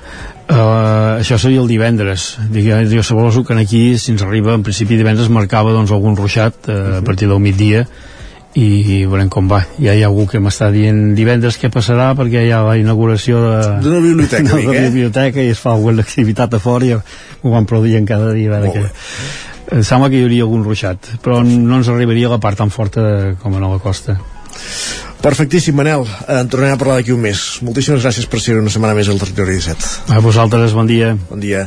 Arribarem al punt de les 10 amb, amb música, amb la música dels Every Night, una de les bandes que actuen aquest cap de setmana a la Festa Major de Caldes, de la qual parlàvem ahir a l'entrevista aquí al Territori 17. Amb Every Night, Vientos del Pueblo, fins a les 10.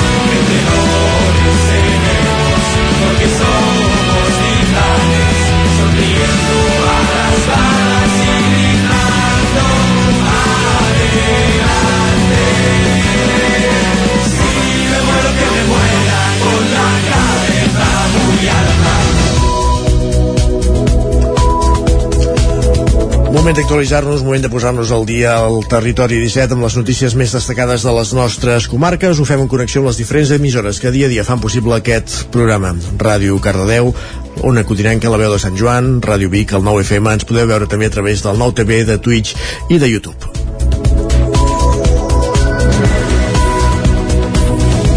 Us expliquem a aquesta hora que Cardedeu entra a formar part de la taula de la salut mental de Granollers i comarca i reactiva el projecte de prescripció social. Coincidint amb el Dia Mundial de la Salut Mental, s'han organitzat tallers de benestar emocional i xerrades. Òscar Muñoz, Ràdio Televisió Cardedeu.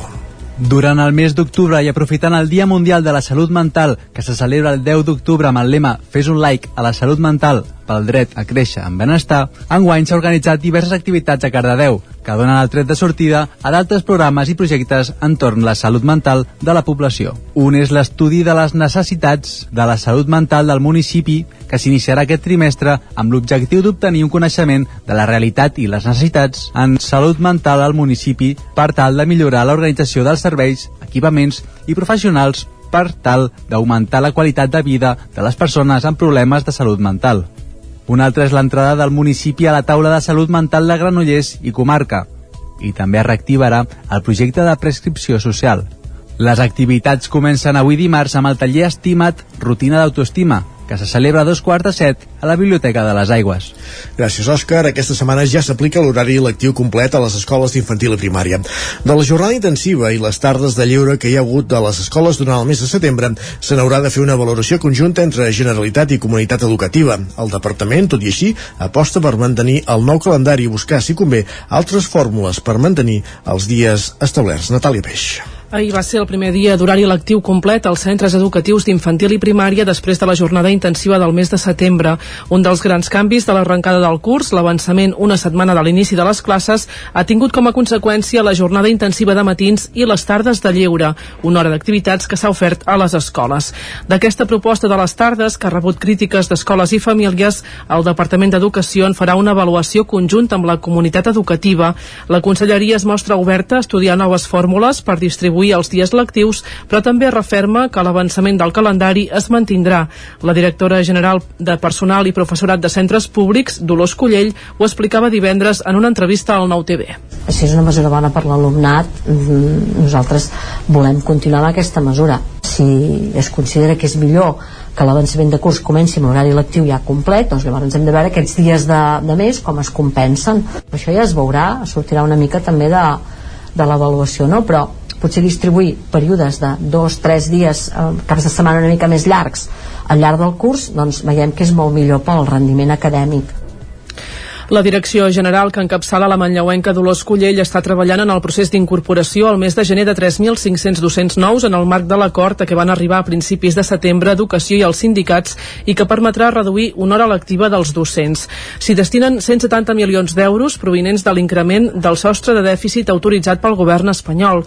L'entesa en aquest punt, signada in extremis a principis de setembre, va suposar la desconvocatòria de les jornades de vaga que els sindicats ja havien anunciat.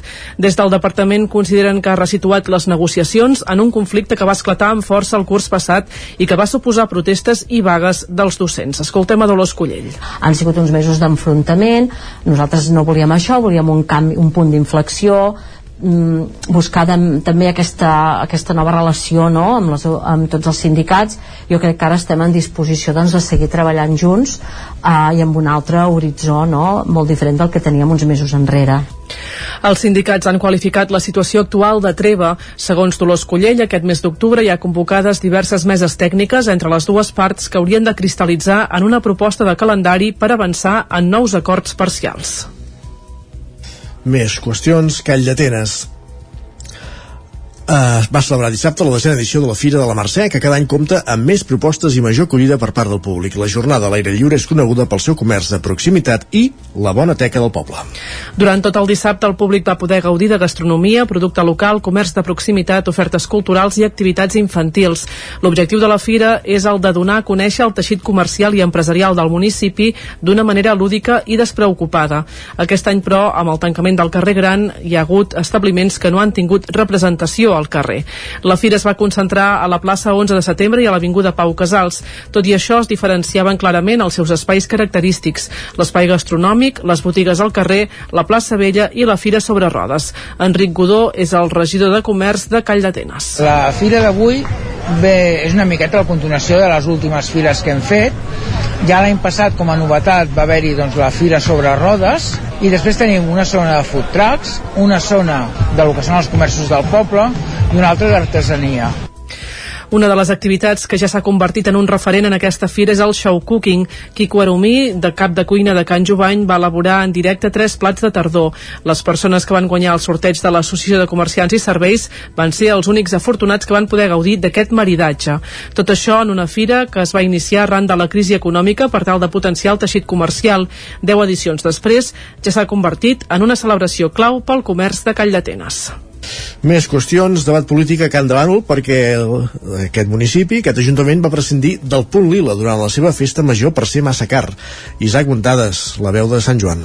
Camp de Bànol no va tenir un punt lila durant la passada festa major perquè era massa car. L'alcaldessa Dolors Costa de Junts va qualificar de pornogràfic el cost que els hi demanaven per muntar aquesta oficina d'informació i acompanyament per a les possibles víctimes d'agressions sexistes. Prestar el servei li costava 2.800 euros a l'Ajuntament, a raó d'uns 200 euros a l'hora. L'alcaldessa va dir que era vergonyós aprofitar-se d'un problema com la violència masclista que pateixen totes les dones, precisament en un municipi que recentment ha viscut un tràgic succés amb el salvatge assassinat d'una noia de 21 anys al carrer Punta Raó presumptament amants de la seva parella. Costa va assegurar que van fer tot el possible per tenir-lo. Vam demanar si podíem anar regidores a fer el punt lila. Ens van dir que no. Vam demanar si podien anar infermeres, auxiliars de l'hospital. Ens van dir que no, que tenien que ser persones que estaven formades expressament amb això del punt lila. Evidentment, nosaltres el que vam fer és contactar amb l'empresa de, de seguretat que es va fer càrrec del Diagonal i sobretot dir-los eh, que estiguéssim molt al cas de si passava qualsevol incidència, doncs ràpidament trucar als Mossos d'Esquadra. Però la veritat és que ens va semblar vergonyós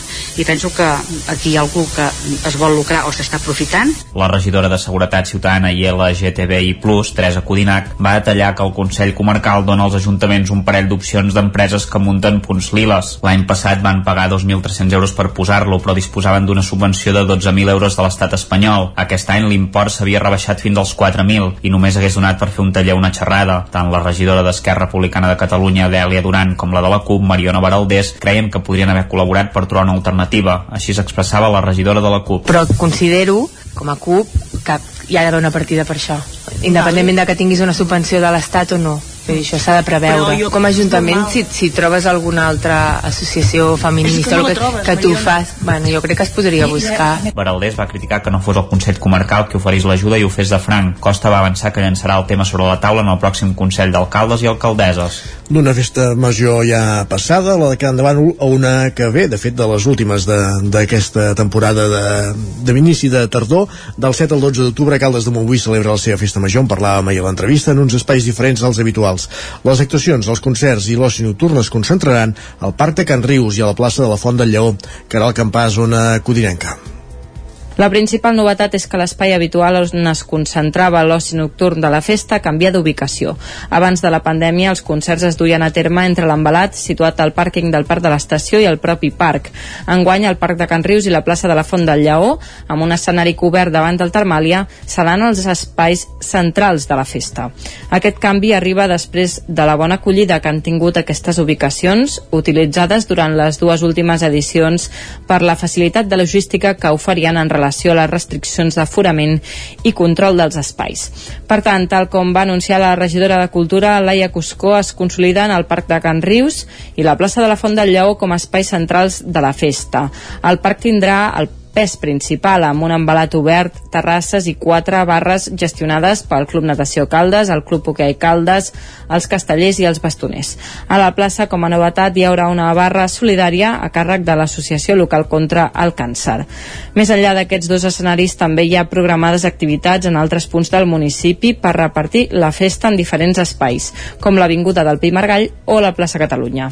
Laia Cuscó. Comencem a, per al TIN, amb la fira d'atraccions, el Bugarai amb, es, amb les activitats esportives, un pi margall molt dinamitzat, no perdrà vida en tota la festa major, una plaça de la Font del Lleó on canviarem l'escenari i el portarem davant del Termàlia.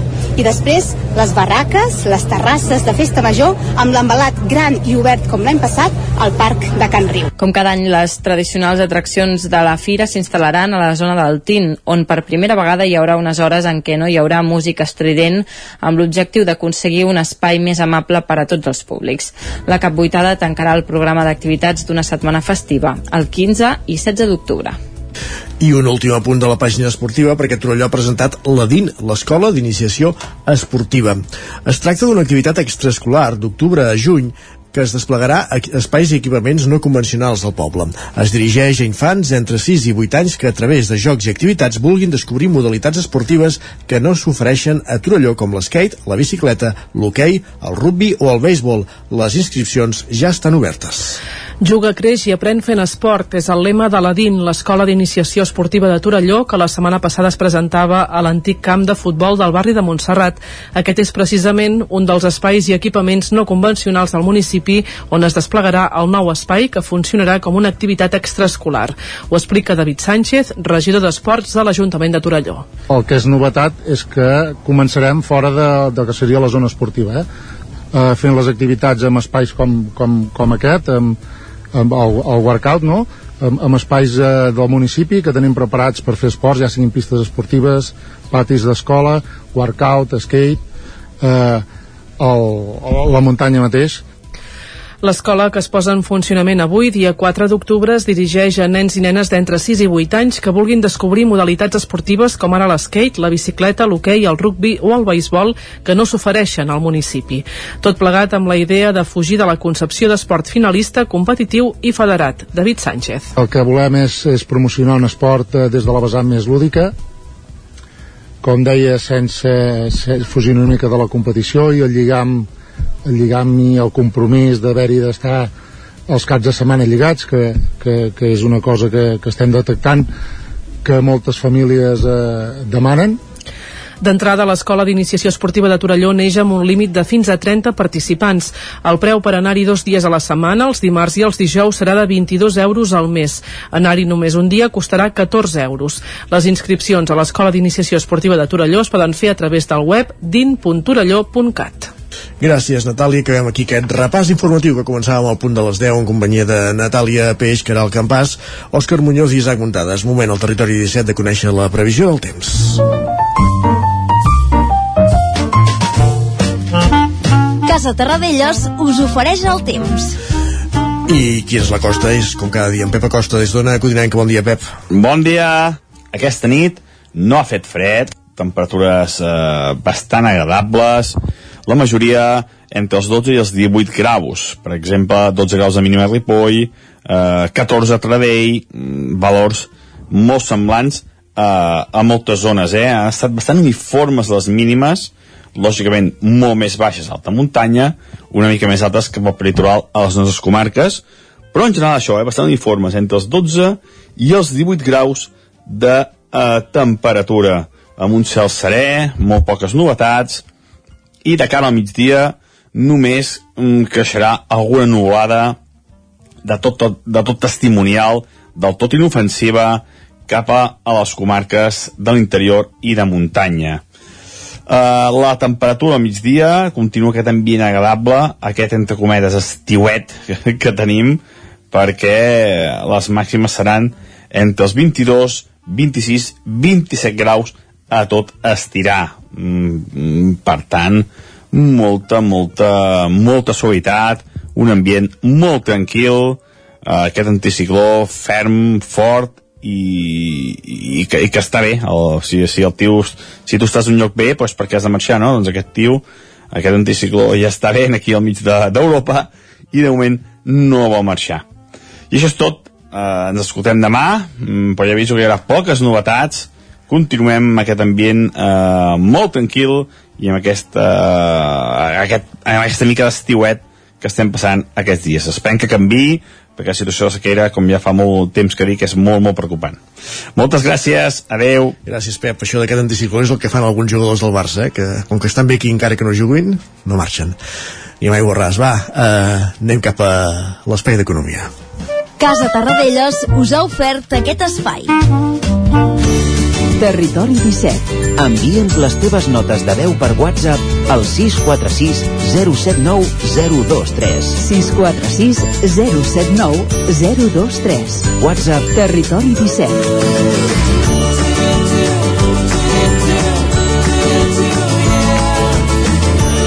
Territori 17. Som a Facebook, Twitter i Instagram amb l'usuari Territori 17.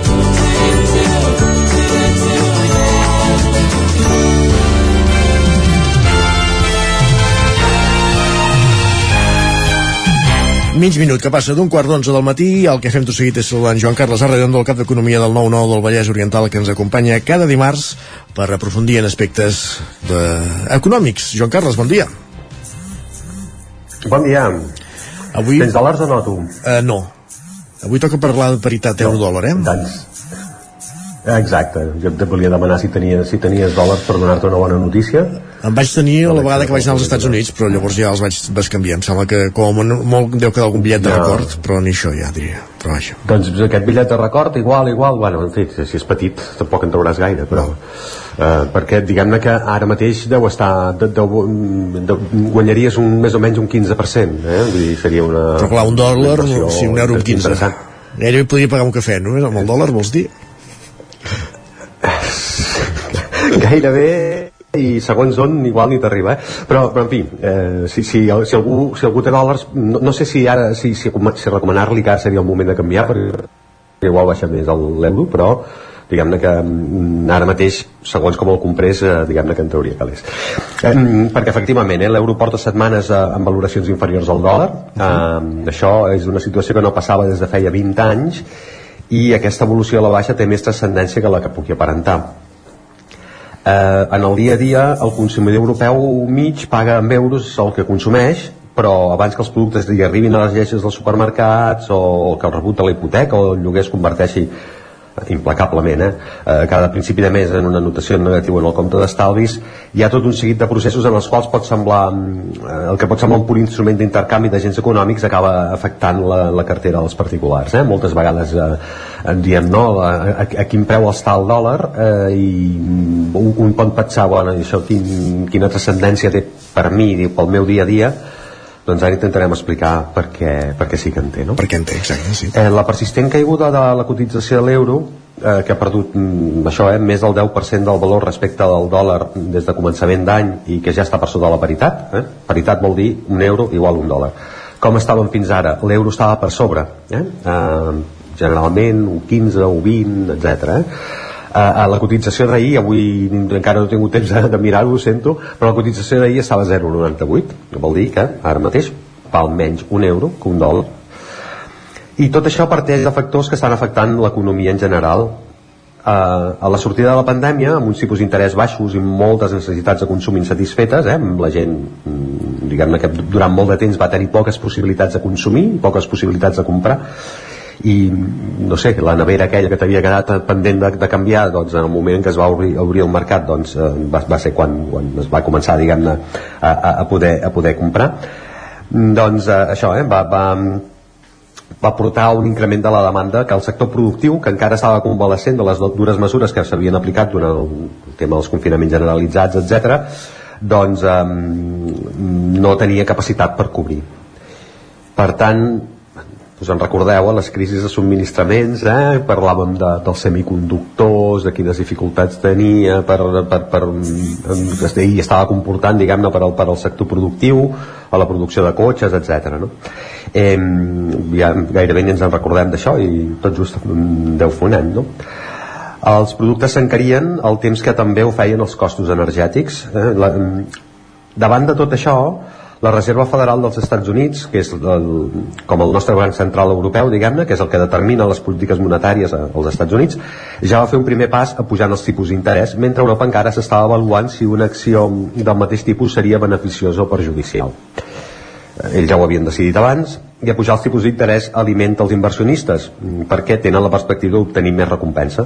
Uh -huh si hi ha els tipus d'interès més alt, si inverteixes en aquell país, diguem-ne, et remuneraran els teus estalvis o les teves inversions, cosa que a Europa no passava. Teníem un dòlar que s'enfortia i en paral·lel un euro que s'afablia.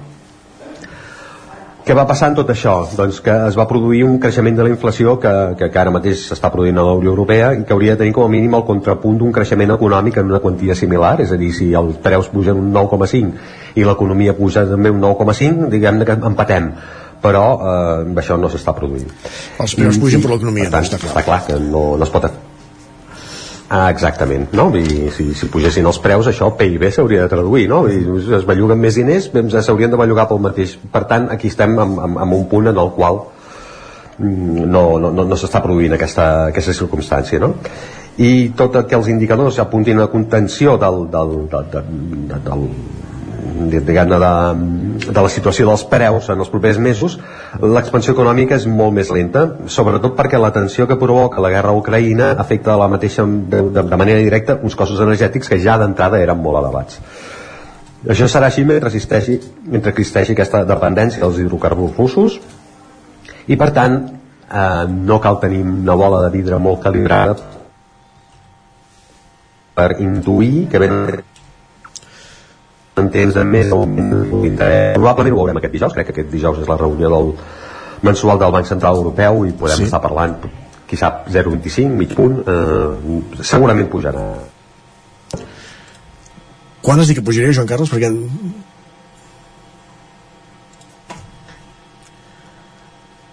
hem perdut la comunicació amb en Joan Carles Arredondo que ens estava explicant la, els problemes del fet de perdre la paritat euro-dòlar del fet de... Ara, Joan Carles, estem recuperat eh, que el temps del diner regalat no, jo, em, em sents ara? Hola? Hola, sí, ara sí, no. T'havíem perdut just el moment que ens deies el, el valor que... Ara sí, sí, perfectament. T'havíem perdut just el moment que ens deies el valor que possiblement mm, eh, fixaria aquest, aquest, al finals d'aquesta setmana es fixaria al finals d'aquesta setmana per, per, per intentar...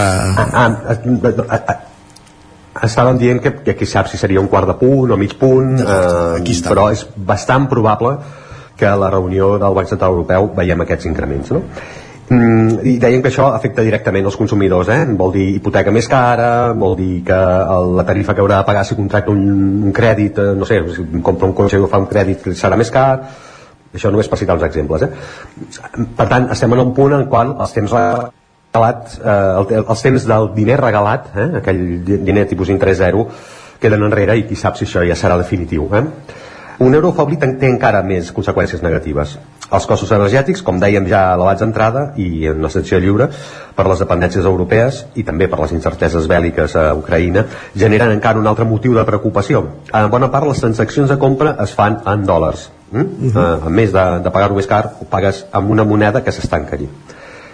Um, una depreciació de la moneda única significa que això, eh, que caldran més euros per pagar el petroli o el gas i el que passa amb l'energia també es dona amb altres productes que ja no es fabriquen a Europa eh, perquè va haver-hi un moment en què es va considerar que era millor que es deslocalitzés la producció les empreses importadores tindran més dificultats i per tant o pugen els preus dels productes amb el risc que aquests siguin menys competitius uh -huh. o mantenen, els mantenen i posen en risc els beneficis i més enllà la seva supervivència a l'empresa i els llocs de treball. En, en, en aquest punt estem, per tant, sí que era important, com dèiem al principi, a, a, a, quin, a quin preu pugui pagar-se l'euro i el dòlar. No? Els factors negatius que s'entreveuen d'aquesta pèrdua de paritat entre l'euro, que tradicionalment havia tingut una cotització superior i ara està lleugerament per sota del dòlar, difícilment arribaran a compensar els elements positius també n'hi ha, eh? De, de, com, com passen moltes coses en economia, també té una cara, un cantó positiu. No? Les empreses exportadores guanyen competitivitat, produeixen un euro més barat i per, mm, per vendre posteriorment en un dòlar més car. Per tant, diguem-ne que aquí hi sortirien guanyant um, quan, això passava quan es tenia moneda pròpia que quan bufaven vents desfavorables es feia una, una, una devaluació de la moneda Correcte, i sí. per tant s'aconseguia diguem que els productes fossin més competitius i es vengués més que és allò que et deia, millor invertir um, que no pas tenir-los al banc mm, però Exacte, sí. Um, de tota manera, en preus energètics tan elevats i notables dependències en subministraments, l'increment de costos fàcilment es dirà aquest diferencial favorable eh, d'un euro més assequible. El context assenyala doncs, que la inflació seguirà atacant per terra, mar i aire i que l'única salvació per l'europeu mig, eh, que seria l'increment salarial, també comportaria un risc de perpetuar la tendència al creixement de preus. Eh? Mm, això, diguem-ne que aquí s'ha de, de fer mm, diguem-ne mm, amb, amb, amb, molta, amb molta precisió quirúrgica eh, tot el que, tot el que sí. es pugui fer Um, els tipus d'interès seguiran pujant per ordre del Banc Central Europeu i a l'Estat, en canvi, creix una maniobra de distracció de, um, com està fent el PP, uh, rebaixar impostos als més rics. Uh, mentre la moneda perd disparitat, uh, la política guanya en disfunció eh? i per tant tenim en aquest cas mala peça al taler si no, si no s'aclareixen les, les, les coses. Doncs ho anirem seguint malauradament perquè és allò que dius, no, no, no pinten bons temps per, per la situació econòmica uh, avui hem aprofundit en un altre d'aquests aspectes que, que hi té o que n'és conseqüència o que hi té alguna algun efecte, com, com deies, era la, la pèrdua de la paritat o la devaluació de l'euro envers eh, el dòlar. Joan Carles Arredondo, gràcies per ser una setmana més al Territori 17. Joan Carles, bon dia. Gràcies a vosaltres, bon dia. Adéu.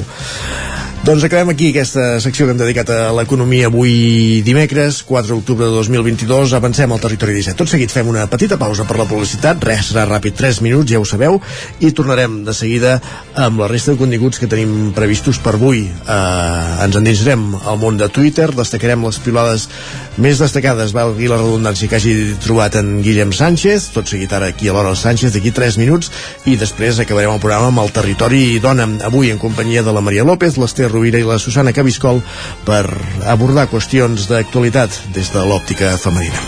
Tot aquí al Territori 17, el magazín que cada matí us acompanya des de les 9, ja ho sabeu, a través de les zones de Ràdio Cardedeu, d'Ona Codinenca, de la veu de Sant Joan, del 9 FM. També es podeu veure a través del 9 TV, Twitch i YouTube.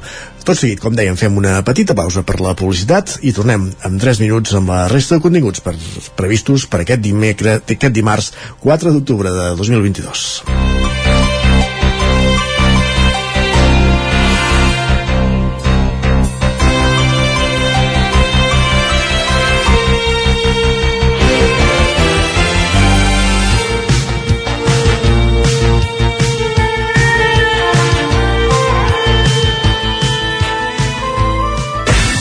El nou FM, la ràdio de casa, al 92.8. A Deportec estem especialitzats en el tractament d'aigües residuals i el tractament de purins. Donem un servei integral en el tractament de l'aigua, oferint el disseny de la línia hidràulica, reparacions i manteniment, analítiques, formulació i subministrament de productes químics. Ara a Deportec et podem ajudar a obtenir un gran estalvi energètic en la deshidratació de fangs, oferint-te un sistema innovador, el Depordisc. Deportec, ens trobaràs al carrer de la Fusteria 22, al polígon de les Gaules, a Tona. El diumenge 9 d'octubre tornen els bolets a ceba. 24a edició de la Festa del Bolet, una de les fires de referència pel sector boletaire a Catalunya. Hi trobaràs les tradicionals parades de productes relacionats amb els bolets, testeig i exposicions, activitats i actuacions i l'esperat concurs de bolets. Vine a la 24a Festa del Bolet de Ceba. Més informació a ceba.cat. A la Rosseria de Vic et portem sopar i espectacle. Dissabte vine a gaudir d'un menú especial mariner i de les habaneres del grup Xarxa. Navalles gallegues, bunyols de bacallà, rossejat de xipirons i escopinyes, tonyina fresca i molt més. Directament des de la llotja d'Arenys de Mar a la nostra cuina. Ho trobaràs per només 45 euros el 8 d'octubre al sopar i espectacle de la Rosseria de Vic. Fes la teva reserva per telèfon al 93 885 68 39. No t'ho perdis. A Realtec som especialistes en instal·lacions fotovoltaiques, aerotèrmia, clima i instal·lacions integrals pel teu habitatge o la teva empresa. Demana el teu pressupost sense cap compromís. Realtec. Ens trobaràs al carrer Narcís Monturiol 22 de Gurb i al telèfon 93 131 1796. A Bailen sabem que quan té una avaria a la seva caldera vol una solució ràpida. Truqui al servei tècnic oficial Bailen i els nostres tècnics vindran ràpidament a solucionar-li el problema. A més, si canvieu ara la caldera, us regalem fins a 300 euros. Truqueu al 910 77 88 77 o entreu a bailan.es. Cocodril Club. Si t'agrada la bona música dels anys 60, 70 i 80, escolta el 9 FM als matins de dissabtes i diumenges d'11 a 1. És el temps del Cocodril Club, tot un clàssic de la ràdio, amb les bases del pop-rock, les llegendes, les cançons que s'han convertit en autèntics himnes. Recorda, dissabtes i diumenges al matí, d'11 a 1, al 9 FM 92.8. Cocodril Club, el programa revival de l'Albert Malla. Hasta luego, cocodrilo. Anuncia't al 9FM. La màquina de casa. 9 3 8 8 9 4 9 4 9. Publicitat arroba al 9FM.cat. Anuncia't al 9FM. La publicitat més eficaç. El 9 FM, el 9 FM, el 9 FM. En punt, al territori 17, dos quarts d'onze, l'hora Sánchez.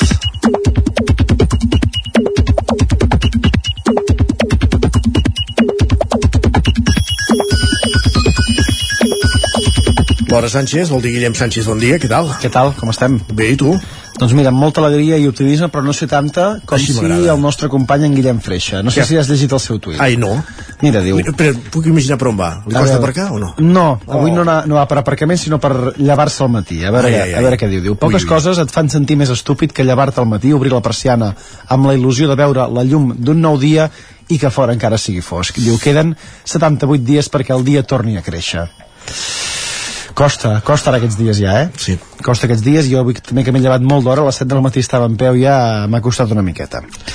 Va, el que no Què sabem- feies al 7 del matí en peu? Doncs mira, anàvem a gravar un reportatge a dos quarts de vuit del matí. Per Mare de Déu, això fa mal. Per tant, directes, directes a la feina. Va, el que no Lluís. sabem és si en Guillem s'ha fet o no el llit, li haurem de demanar una acció que en Lluís estima i odia a parts iguals. Ens escriu, fer el llit és tan reconfortant i a la vegada fa tanta mandra. I jo he d'afegir aquí en aquesta frase i també em sembla una mica estúpid a vegades fer-se el llit per tornar-lo a desfer al cap de que 18 hores... M'acabes de 20 robar la hores. meva màxima. Jo he de reconèixer que em costa molt fer-me el llit els últims eh, 5 anys, diguem-ho diguem així suaument. Per què els últims 5? Que els altres fins ara llavors te'ls feia, te'l feien, vols dir? No, però potser si dic una xifra gaire més grossa potser la gent s'espantarà. I ahir la Marta també ja en tenia prou, ens escrivia Estimat diari, és dilluns i ja no puc més, vull dormir 72 hores seguides, torna a fer calor. Però si era dilluns, tot just. Imagina't, imagina't. I no sé si aquest torna a fer calor o si durarà gaires dies o no. Jo sí que he de reconèixer que ahir al vespre de fred no em feia.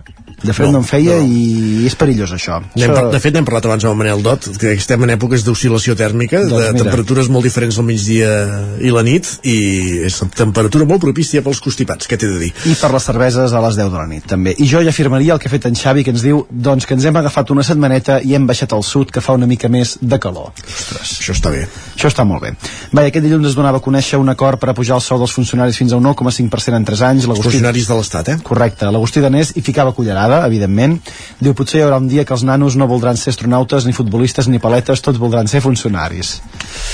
Horari, sou... sí, Estaria bé. Aquestes coses. Sí, Estaria bé. I Isaac, per cert, portes algun tatuatge, tu? No. No? Ni un? Ni un. Doncs mira, jo. I es- No, tampoc. De Ah. part d'aquells de, de les patates de quan eren petits, que et feies aquelles No, calcomanies, calcomanies, i, però jo ja he marxat, ja no hi és allò. I, eh, doncs jo he quedat asturat amb el missatge que ens ha escrit en Ramon. Diu, la santa mare que em va, i acaba la frase, diu que la meva àvia de 93 anys té hora demà per fer-se un tatuatge. Olé! Olé! Les respostes no s'han fet eh, esperant aquest comentari, diu en Xavi, ui, potser quan sigui gran se'n penedirà, la primera, i un altre usuari que li diu li quedarà molt bé un relleu de Montserrat. No sé si li voldries donar alguna idea per poder-se No, tatuar una dona allò que et diuen, no, 93 és que quan se t'arrugui la pell, no, en el seu cas no hi haurà problema, perquè Això ja, ja sortirà... Bueno, és que és una altra, és una altra qüestió que no havia pensat jo, fixa't. Veus? I atenció al missatge d'en Guillem, que ens diu ja hi han castanyeres. Home, ja tocava. Com que ja tocava? No? Si hi ha torrons, és el parlàvem l'altre dia, com no hi ha d'haver castanyeres. Vaig veure un paquet de torró suixart a casa ja, en, Veus? en un armari. No sé si era patir o, o no. Ja n'hi ha, bueno, depèn, si t'agrada o no. M'encanta, m'encanta. Hi ha una usuària que ens fa una reflexió interessant al voltant d'aquest sentit. Diu, creieu-me que no és fàcil pensar activitats de la castanyada que puguin passar la mà per la cara a un túnel del terror. Diu, tenim unes festes i tradicions fantàstiques, però una mica sosses. Val a dir per això també que llegia el Rejoset que el, ja no deien del, la castanyera, deien el castanyer de Manresa El diu que, castanyer. que aquest any hi haurà poques castanyes. Bueno, si no, ens les, i cares. si no ens, les, ens els inventarem, farem algun altre producte. Va, i per acabar, aquest usuari vol ajuda a veure si li podem donar un cop de mà per acabar la secció. Diu, busco plans pel pont de la Castanyada, però tipus anar de viatge modo molt rata. No sé si, si s'ha t'acut alguna idea. A l'escala, a l'escala de casa. A l'escala de casa o a, o a llançar. Per exemple. A llançar les escombraries, també. Doncs vinga. Va, gràcies, Guillem. Demà molt més. Adéu-siau.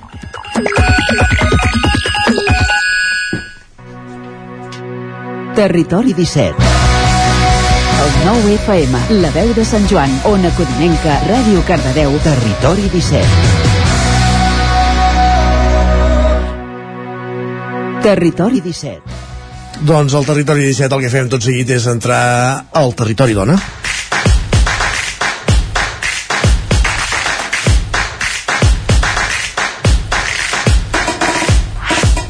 So de timbals, que vol dir so de saludar primer de tot la Maria López, benvinguda, bon dia. Molt bon dia, Isaac, com estem? Bé, i tu? Doncs bé, aquí escoltant aquests timbals que ens anuncien un nou territori dona, aquesta tertúlia que fem les companyes de Territori 17, amb la intenció clara de posar sobre la taula els debats diaris al voltant de la lluita feminista. I com cada dimarts, per la nostra tertúlia, comptem amb les companyes de Territori 17. Des del Nou Ràdio, avui comptem per la tertúlia amb l'Ester Rovira. Bon dia, Ester. Ara l'obrim el micro i ara, Ara, podrà dir sí? hola. Ara sí. Hola, Maria, Ara sí, bon bon dia. dia. Bon dia. I, I, bon dia. I des de Ràdio Cardedeu aquí, a la meva esquerra, avui ens acompanya per fer la tertúlia la Susana Cabiscol. Bon dia, Susana. Bon dia.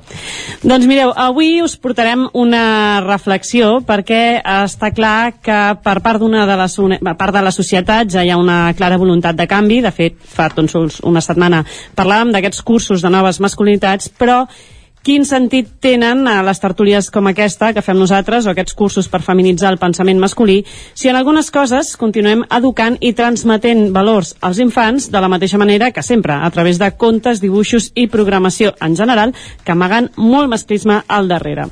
Som més curosos ara en aquest sentit? Quant de mal ha fet a les nostres vides Disney perquè fa el rol de gèneres? I durant l'adolescència, què passa ara? Quins rols es reprodueixen en les sèries o programes que consumeixen les joves? Som-hi, doncs, amb peu de guerra perquè comença un nou Territori Dona. Uh, Som-hi perquè, Susana Cabiscol, sembla que tenim una clara voluntat de canvi, però nosaltres hem patit bastant més el micromasclisme amb els contes i dibuixos de tota la vida, no? Doncs sí, Maria, com dius, nosaltres eh, hem mamat bàsicament les princeses de Disney, des de la Ventafocs, la Blancaneu o la Sireneta, uns contes o dibuixos que des de, o sigui, de lluny es veu que haurien d'estar prohibits per als infants, perquè les històries que expliquen eh, sí que són dignes d'anàlisi, però vaja, mai haurien de ser un referent per a ningú, no? Aleshores, hi ha coses que tenen en comú la gran majoria de les pel·lícules de Disney, és la princesa que busca el seu príncep blau, el seu home ideal, i per aconseguir-ho estan disposades a canviar i a perdre-ho tot. Com per exemple la sireneta, no? que vol tenir cames en comptes de cua per poder estar amb el seu príncep i a canvi ha de perdre la veu i allunyar-se de la seva família. O sigui, que faci falta per tal d'aconseguir-ho, eh? El que calgui. Uh, després també tenim a la Blancaneu, que si recordem una mica com va la història, és la filla d'un reis eh, i la més bonica del regne, i com no podia ser d'una altra manera, acaba tenint una madrastra que vol acabar amb ella perquè és més bonica i això la porta a anar a viure amb set nans al bosc, i en comptes de pagar-los un lloguer, no, que hauria estat el més normal, per sort sap netejar i cuinar i aleshores deixen que es quedin amb ells. I a més el paper de la madrastra és també com molt recurrent, no?, a Disney. Les Exacte, sí, peor. pràcticament a totes les històries de Disney hi ha una madrastra.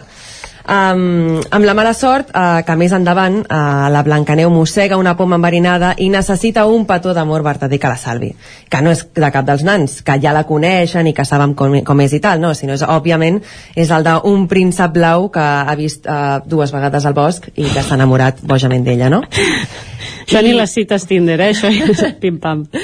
I seguim amb els petons que salven vides, eh, i, perquè trobem també la vella dorment, que es punxa amb una agulla i dorm durant 100 anys, esperant que un príncep que l'estimi de veritat li faci un petó i la desperti. És a dir, que ha de ser un príncep, l'ha d'estimar sense conèixer-la, perquè, clar, si estava dormint no la coneixia. Per què? I- Si total és per fregar, no? Ah, exacte. Ja. I ha de superar tots els perills per arribar fins a ella, perquè així és com es demostra l'amor verdader, passant, o sigui, superant tots els perills. I matant dracs. Exacte. um, bueno, jo m'havia preparat per aquesta secció un, un minijoc, una coseta així ràpida. Qui concursa? Uh, vosaltres dues. Ah, mira, Esther, hem pillat. Um, vale, són tres preguntetes, vale? Uh, al voltant de, dels masclismes a, a, a Disney. Bueno, els contes infantils o sèries o, o, o contes que veiem per, per la tele. Um, a veure si trobeu, va, per començar, tres micromasclismes, d'aquesta ja, ja teniu una pista. Però guanyem alguna cosa o no guanyem res? Um, què, què vols guanyar? Poc t'estira, Susana. Uh, D'aquesta ja, ja heu tingut pistes, però va, tres micromasclismes amagats a, a la Blancaneus. La blanca, netejar, netejar, la, la, no, no? Per exemple. La primera, vull dir, és la dona, serveix... És que a més són set. Exacte. I fins que no arriba ella, allò deu estar fet una marranada, no? I sembla que és l'única funció que pot aportar. Exacte. Ella neteja i cuina, eh? Tot. Fa aquelles, aquell pastís de poma. Esther, tu saps el, més, més micromasclismes de la Blancaneus? Uh, no ho sé que si es porta malament menja, vull dir, menja la poma i l'enverina, no? Aquella manera com de castigar de dir si no fas el que uh, no? Es, jo es, uh, sí, el que s'espera de tu doncs mm. uh, et passaran coses catastròfiques, no? Com ara menjar-te uh, poma que, que estigui enverinada, no ho sé és això o no? Exacte. Sí? Sí, sí, sí. Hi havia madrastra també, I- Blancaneus? Sí, sí, també. hi havia madrastra. I la última? Una molt òbvia. Ah, La de salvar el príncep. Clar, que el necessita tota dona a la seva vida. El príncep que la salvi, per Príncep, favor. Sí, sí, sí. perfecte. Què, què ens han ensenyat, per favor? Què seríem nosaltres sense un príncep? Vale. Uh, anem ara a la Ventafocs. Vinga, va. Va, tres masclismes. Ventafocs és la que s'adorm. Ventafocs és la que, Ah, no. és la No. que neteja. Ah, la que- una altra que neteja. molt. Ja ho tinc, neteja. La Ventafocs és aquella que viu amb la madrastra i les dues germanastres Ah, i sí, que sí, són molt sí, sí, dolentes sí, amb sí. ella. I els ratolins fan el vestit. Ah, exacte. Sí, Val. sí, ja, però mira, per aquí vas bé, Maria. Ah, ja? Ja està? Sí, sí, va, va, tres micromasclismes de la Ventafocs. A veure. Relacionat amb els ratolins.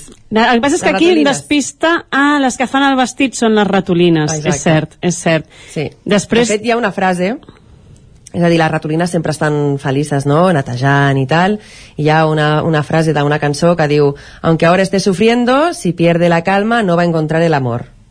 Ah, por favor. O sigui, només és histèrica, no? no Exacte, sigui cas que... exacte. Val, o sigui, ja són les ratolines. Tornem a tenir una madrastra. Exacte. Que sempre són les dolentes. A més, els Sempre. personatges Les dones dolents de Disney dolentes. són dones totes, pràcticament, no? Ara no em venen al cap personatges... No? La de la Sireneta també, la Úrsula. Sí, sí, sí. No em, venen, no em venen personatges xungos homes, eh, Disney? Que hi ha un tema a Els tractar. homes salven. Ah, clar. Salven. I a la... Què més? Què més? També hi ha un príncep, el, de la, el, de la, el que persegueix amb, el, amb la sabateta, no? quan ha de tornar a casa Ah, a no la mitjanit, no? Ara, ara no m'estic liant, no. Sí, sí, exacte, exacte, Esther. Vull dir, el, que, el que et passeja amb la sabata és el príncep que et salva, al Ah, final. va, sí, amb la sabateta. amb la sabateta. Què més? Hi ha més o no? Se t'acudeixen més, Esther, a tu? Uh, la Ventafocs mm, no, però segur que n'hi ha més, no? Si la Susana Sí, sí, hi, ha una, hi ha una frase també um, una frase del rei que diu tiene que haber alguna alguna dona que sea buena madre digo esposa Que, però al final les, les opcions són dos, eh? Exacte. El tema és o mare o, o, o, esp- o esposa, així et quedes, Exacte, és la teva sí, sí, funció sí, a la sí. Molt Exacte. I també hi ha una altra referència que és en el moment en què li han de fer el vestit a la Ventafocs Uh -huh. um, surt una ratolina amb una agulla i diu això és cosa de dones no? això és Treu d'encarregar no? les ratolines Com ens hem menjat amb patates, eh? Sí. Vinga, va, una altra. va, la última um, Doraemon Doraemon, aquests ens, ens anem apropant cap aquí, eh? Sí. Aquest ja l'han vist els meus fills. Doraemon, què tenim a Doraemon? Va, tres exemples de masclismes. La mare, clarament, és la que es passa el dia cuinant, no? I la compra i tal. Sí, i Això fent el gandul també bastant, la veritat. Sí, la mare del feia... gandul. Sí, també és veritat. Però sí, si la mare no treballes, la mare es queda a casa. El pare té el posat de tot, no? És el que porta els diners, el que controla l'economia, no? Em sembla una Ah, mica. exacte. Ah, la, la Shizuka, ah, Shizuka no, es deia? La sí, la Shizuka, sí. És com el personatge super, no? És la floreta, reprodueix el rol de la nena de... que necessita que la salvin, no? Exacte, D'alguna sí. manera. La Shizuka sempre, sempre aconsegueix que la salvin, que l'espin mentre es banya. Ah, és veritat que aquí hi havia un tema mentre es també. banya, sempre. I, i sí, sí, sempre, sempre es fiquen en algun embolic i l'han de salvar. Doncs és, reproduïm novament aquests, aquests I, rols. Si us fixeu, a, a Doraemon, per exemple, hi ha poques o sigui, hi ha poques dones, hi ha pocs personatges femenins, o sigui, el grup d'amics són tot nois, excepte la... Excepte la Shizuka, que és la... Sí, ja m'he Que és dèbil. posat, no? Exacte, i és dèbil, exacte. Totalment, doncs déu nhi Susana, el que, el que has descobert del nostre passat, segur que hi ha moltíssimes més, perquè si obrim la caixa Disney eh, surten trons, però jo crec que l'Ester d'alguna manera ha estat investigant aquesta via de, com, com li hem dit abans, el purple washing, que és aquesta intenció, no?, d'alguna manera de fer un rentat de cara públic per precisament que es deixin per, per, per dissimular una mica aquest posat que hem arrossegat durant anys, no, Esther? Sí, eh, de fet he trobat un article que és interessant d'una pedagoga de, de la Fundació Pere Tarrés que deia que, clar, que aquests contes no anaven dirigits eh, exclusivament a un públic infantil, sinó que eh, eren una època en què bàsicament eren moralitzadors i exemplificadors del que en aquell moment es considerava que eren bones conductes. Eh, llavors, evidentment, amb una mirada absolutament masclista eh, hi trobem tots aquests tipus de- d'actituds no? de, de dones que eh, els homes això són salvadors, valents, forts, treballadors i en canvi els femenins doncs eh, hi ha entre les dolentes madrastes, noies presumides eh, i desobedients o l'altre extrem això que dèiem delicades, dèbils i que necessiten ser, ser rescatades no? llavors eh, eh, entre aquests contes que, que es fan revisions eh, o mirades diferents d'aquests contes clàssics n'he trobat alguns, per exemple hi ha eh, la col·lecció Populars de, de la Galera eh, que aquest eh, el que fa és per exemple eh, una, una visió diferent dels tres porquets, Hansel i Gretel o Rínxols d'Or, també hi ha la col·lecció d'escontes eh, que aquests són 10 títols que van des dels tres porquets fins al flautista d'Amelín eh, passant per la caputxeta vermella. Els contes desexplicats que eh, en aquest cas eh, també eh, hi ha com una segona versió de la caputxeta que és la forçuda, la vella desperta o la neguet presumit. Eh, i també una altra que seria col·lecció vet aquí dues vegades eh, aquí amb contes com Noves Blancaneus, Rapunzels eh, o Caputxetes entre d'altres. I justament la Caputxeta és, és un dels contes que, que més vegades eh, per la seva trama i la transcendència que ha tingut el, el personatge se n'han fet diverses versions i, i us en porto 4 o 5 exemples. Uh, un que seria la Niña de Rojo uh, la caputxeta vermella, verda, groga, blava i blanca, Caperucita Roja. Uh, lo que no vivió uh, lo que no vio, perdó, Caperucita Roja o érase 21 veces uh, Caperucita Roja. Tot això um, versions en què doncs, uh, aquest conegut personatge um, assumeix rols diferents. La, la versió 2.0 eh, de la exacte, el que seria adequat per als nostres temps i amb la nostra manera no, de, de, veure, de veure el món i que no tingui aquest viatge eh, doncs, eh, sempre des del punt de vista masculí. I també n'he recollit uns quants més, eh, aquests, per exemple, una recomanació que fa la Fundesplai, eh, conscients d'aquest potencial socioeducatiu que tenen els contes infantils i aquests, per tant, els recomana per la igualtat de gènere, i trobem títols, per exemple, com eh, el llibre de les emocions per nenes i nens, contes de la fada menta, eh, també un que es diu El cavaller que no volia lluitar, eh, El príncep Ventafocs, En Quim i les Barbies, eh, hi ha res més avorrit que ser una princesa rosa, les nines són per les nenes, eh, les tres bessones, aquest el, el que coneixem de tota la vida, aquest el, el donen per, per bo, perquè clar, estem parlant de tres nenes que viuen aventures, són intel·ligents, enginyoses, valentes, mm -hmm. divertides, eh, també la bruixa avorrida, la col·lecció de la bruixa avorrida també, perquè trenca estereotips de gènere amb, amb humor i, i doncs això ajuda a reflexionar sobre la diversitat sexual i familiar, eh, d'altres també com Monstruo Rosa, um, aquest sobre el valor de la diferència, quan les nenes volen alt, si el, si el rosa és de les niñas i l'azul és del mar, uh, diverses... Se n'han fet, uh, els últims anys n'hi ha diversos i, i, i són, són molt variats, eh? O un altre també que es diu Les princeses també estiren pets, uh, per tant, molta varietat de, de contes que s'han versionat seguint aquests clàssics, que això que us deia, eh? hi ha pedagogs que, que destaquen també que, que s'haurien de, de llegir uh, uh, acompanyant els infants, que no, no és que sigui del tot dolent tampoc que els coneguin, però se'ls han d'oferir alternatives, com alguns d'aquests títols que, que llegíem, uh, i ensenyar-los a, a veure no? que, que, hi ha, que hi ha les dues coses, que no els coneguin, també alguns defensen que no és bo, perquè això també els ajuda a prendre consciència, no? i per tant uh, acompanyar-los i saber que hi ha la versió uh, de tota la vida i una versió actualitzada uh, per, per això, per entendre que, que les dones no tenen per què tenir sempre uh, aquests rols que, que hem conegut en els, en els contes clàssics. Segurament, de fet, a molts d'aquests nens i nenes d'avui que potser no han conegut tant aquests clàssics, potser si els ensenyéssim ara, a més d'un s'escandalitzaria, segurament, no? Els hi cridarien l'atenció certes coses per, d'exagerades, no? I, I ara, Esther, tu nomenaves molt, molts contes sobre tots i aquest esforç que hi ha d'alguna manera amb el sector més infantil per canviar uh, aquest xip, però abans amb la Susana també comentàvem algunes uh, pel·lis de Disney també que tenen com aquest, aquest, aquesta clara intenció no? del purple washing, el Bayana deies tu, no? i alguna més Bueno, Bayana i Frozen sí que realment són per ser Disney és... Ja tenen aquesta intenció està, està una mica, bé, no? Sí, sí, o sigui, de Frozen, per exemple, sí que segueix havent un petó vertader que és qui ha de salvar no? a, la, a la princesa però és, al final acaba sent el petó de la seva germana qui la salva no? o sigui, no és el petó d'un príncep uh -huh. que aquí ja és un, un gran canvi i després de Baiana, bueno, Baiana és Mm, no l'he vist encara ja. són les de veure Maries és, és, són aventures, és una heroïna al final no, no, no és una princesa no... Mulan ja tenia també, no, però Mulan també al final hi havia també un soldat per allà al mig que... Sí.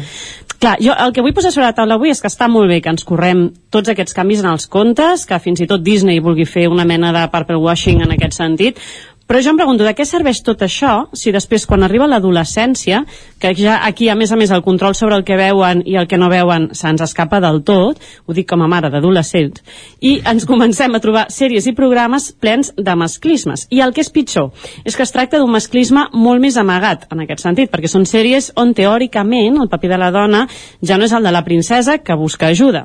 Per tant, com no són tan evidents, passen molt més desapercebuts, però que en realitat amaguen darrere, en el fons, aquesta reproducció qüestions del sistema de l'heteropatriarcat. Uh, jo he buscat així d'alguna manera tres exemples per sobre de sèries o programes en l'actualitat molt seguits per, per adolescents uh, per detectar una mica aquestes cosetes que en el fons ens pensem que estem fent bé però que en realitat segueixen reproduint segons quines coses. Uh, un dels que us porto és de ja fa, no fa masses anys, però no és molt, molt actual, que seria La Casa de Papel, és una sèrie del 2017, i encara que us pugui sorprendre eh, a causa del matriarcat que, que té la Nairobi eh, també hi ha un viatge masclista aquí darrere. Primer de tot s'atribueixen característiques socialment concebudes com a masculines per presentar personatges femenins empoderats. O sigui, la dona empoderada té aquests trets eh, que sempre s'han vinculat a la masculinitat. Això d'alguna manera, manera el que fa és perpetuar la idea del patriarcat que pot tenir poder, o sigui, per poder tenir poder t'has de comportar com un home, no? Sembla que o ets dur i ets agressiu o no pots eh, tenir el control de la situació. Segon, i com a reforç de la idea anterior, el poder de molts personatges femenins es relacionen directament amb la seva maldat, com passa, per exemple, amb l'inspectora Alicia Sierra Montes, que és la inspectora que surt. No cal ser mala persona persona perquè se't vegi com mereixedora de respecte. Uh, I això també podria anar una mica lligat a les males de Disney, no? Sembla que has de tenir aquest posat una mica així uh, xungo, no? O agressiu, o, o una mica masculinitzat, perquè com a dona se't tingui respecte, no? I aquí és on ja ens topem amb un, amb un problema de base.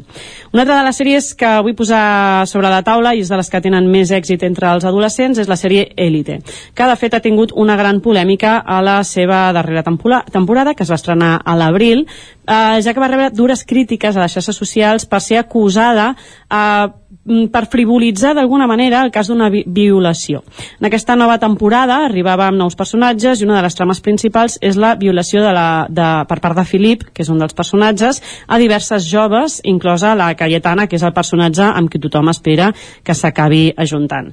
De fet, els actes d'aquest noi es mostren quasi com si fos una pèrdua del control momentani quan en el dia a dia és un personatge doncs, amb sentiments, molt més emocional i molt enamorat d'un altre personatge. A la sèrie, mentre els seus companys de classe li donen, el deixen de banda eh, quan es fa eh, d'alguna manera públic aquest comportament, eh, ja apareix un nou personatge que és la Isadora que el justifica eh, tractant de protegir-lo mm, constantment, no? com si d'alguna manera s'hagués de comprendre eh, aquesta actitud, no? Eh, llavors és d'alguna manera banalitzar eh, el que és una violació en, en tots els sentits. I per últim vull posar sobre la taula un programa que m'ha sorprès eh, quan he buscat exactament l'edat de l'audiència, perquè jo pensava que, que mirava gent més gran, però parlem de la Isla de les Tentaciones, parlem de que el 45,5% de la seva audiència són joves entre 13 i 24 anys. Ja acaben de començar, si no m'equivoco, la quarta temporada, amb èxit d'audiència, com les anteriors, i per qui no el conegui, és un reality on cinc parelles se sotmeten voluntàriament a la temptació emocional i sexual d'un grup de solters i solteres eh, per veure d'alguna manera quina reacció. Bàsicament van a buscar banyes, perquè ens entenguem. Eh, aquest programa, dintre de què d'entrada podria, podria semblar que permet evidenciar eh, i trencar alguns rols eh, pel fet que es veuen a les noies amb estat de, de festa, etc.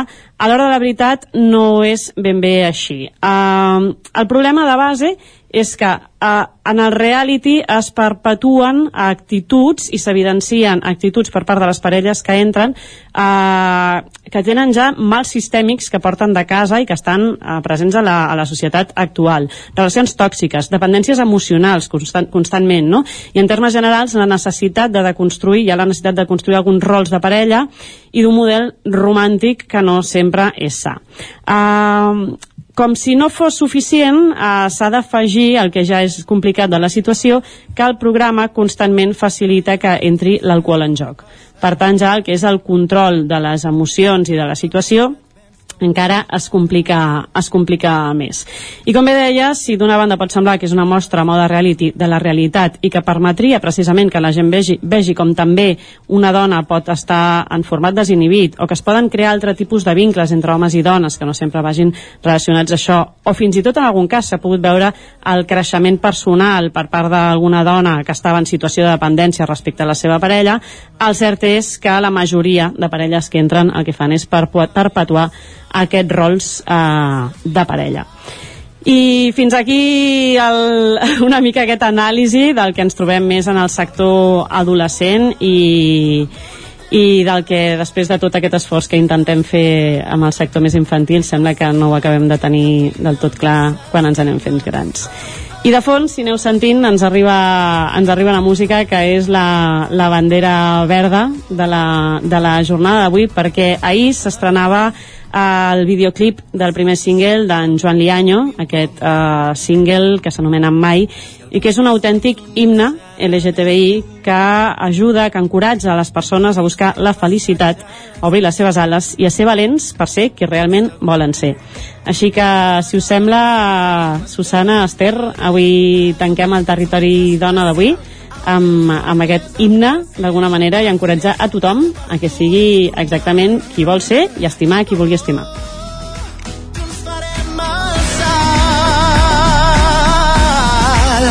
Mai no és mai, per més que sembli alt, prepara't per casal.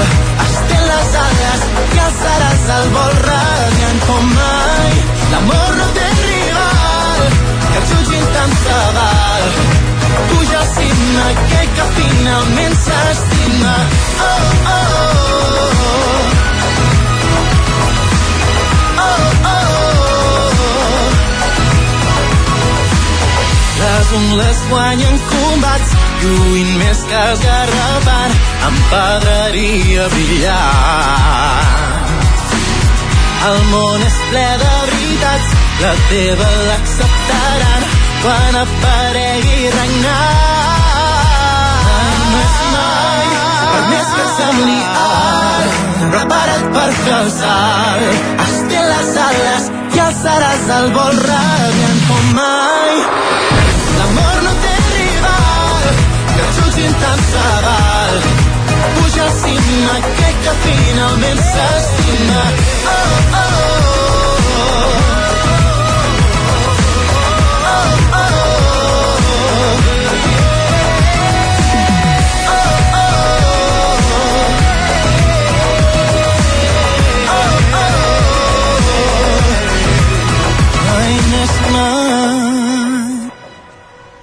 Doncs en Joan Lianyo acabava el Territori Dona d'avui, dimarts, 4 d'octubre del 22, i acaba també el Territori 17.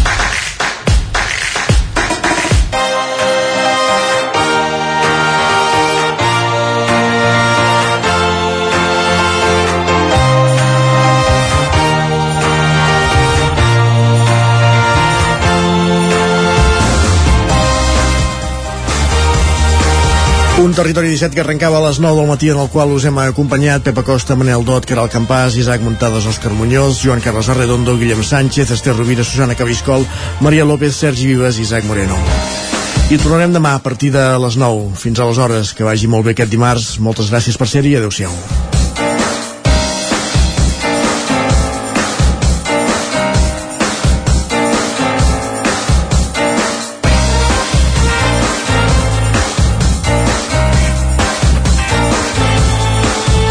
Territori 17, un magazín del nou FM. La veu de Sant Joan, Ona Codinenca i Ràdio Cardedeu amb el suport de la xarxa.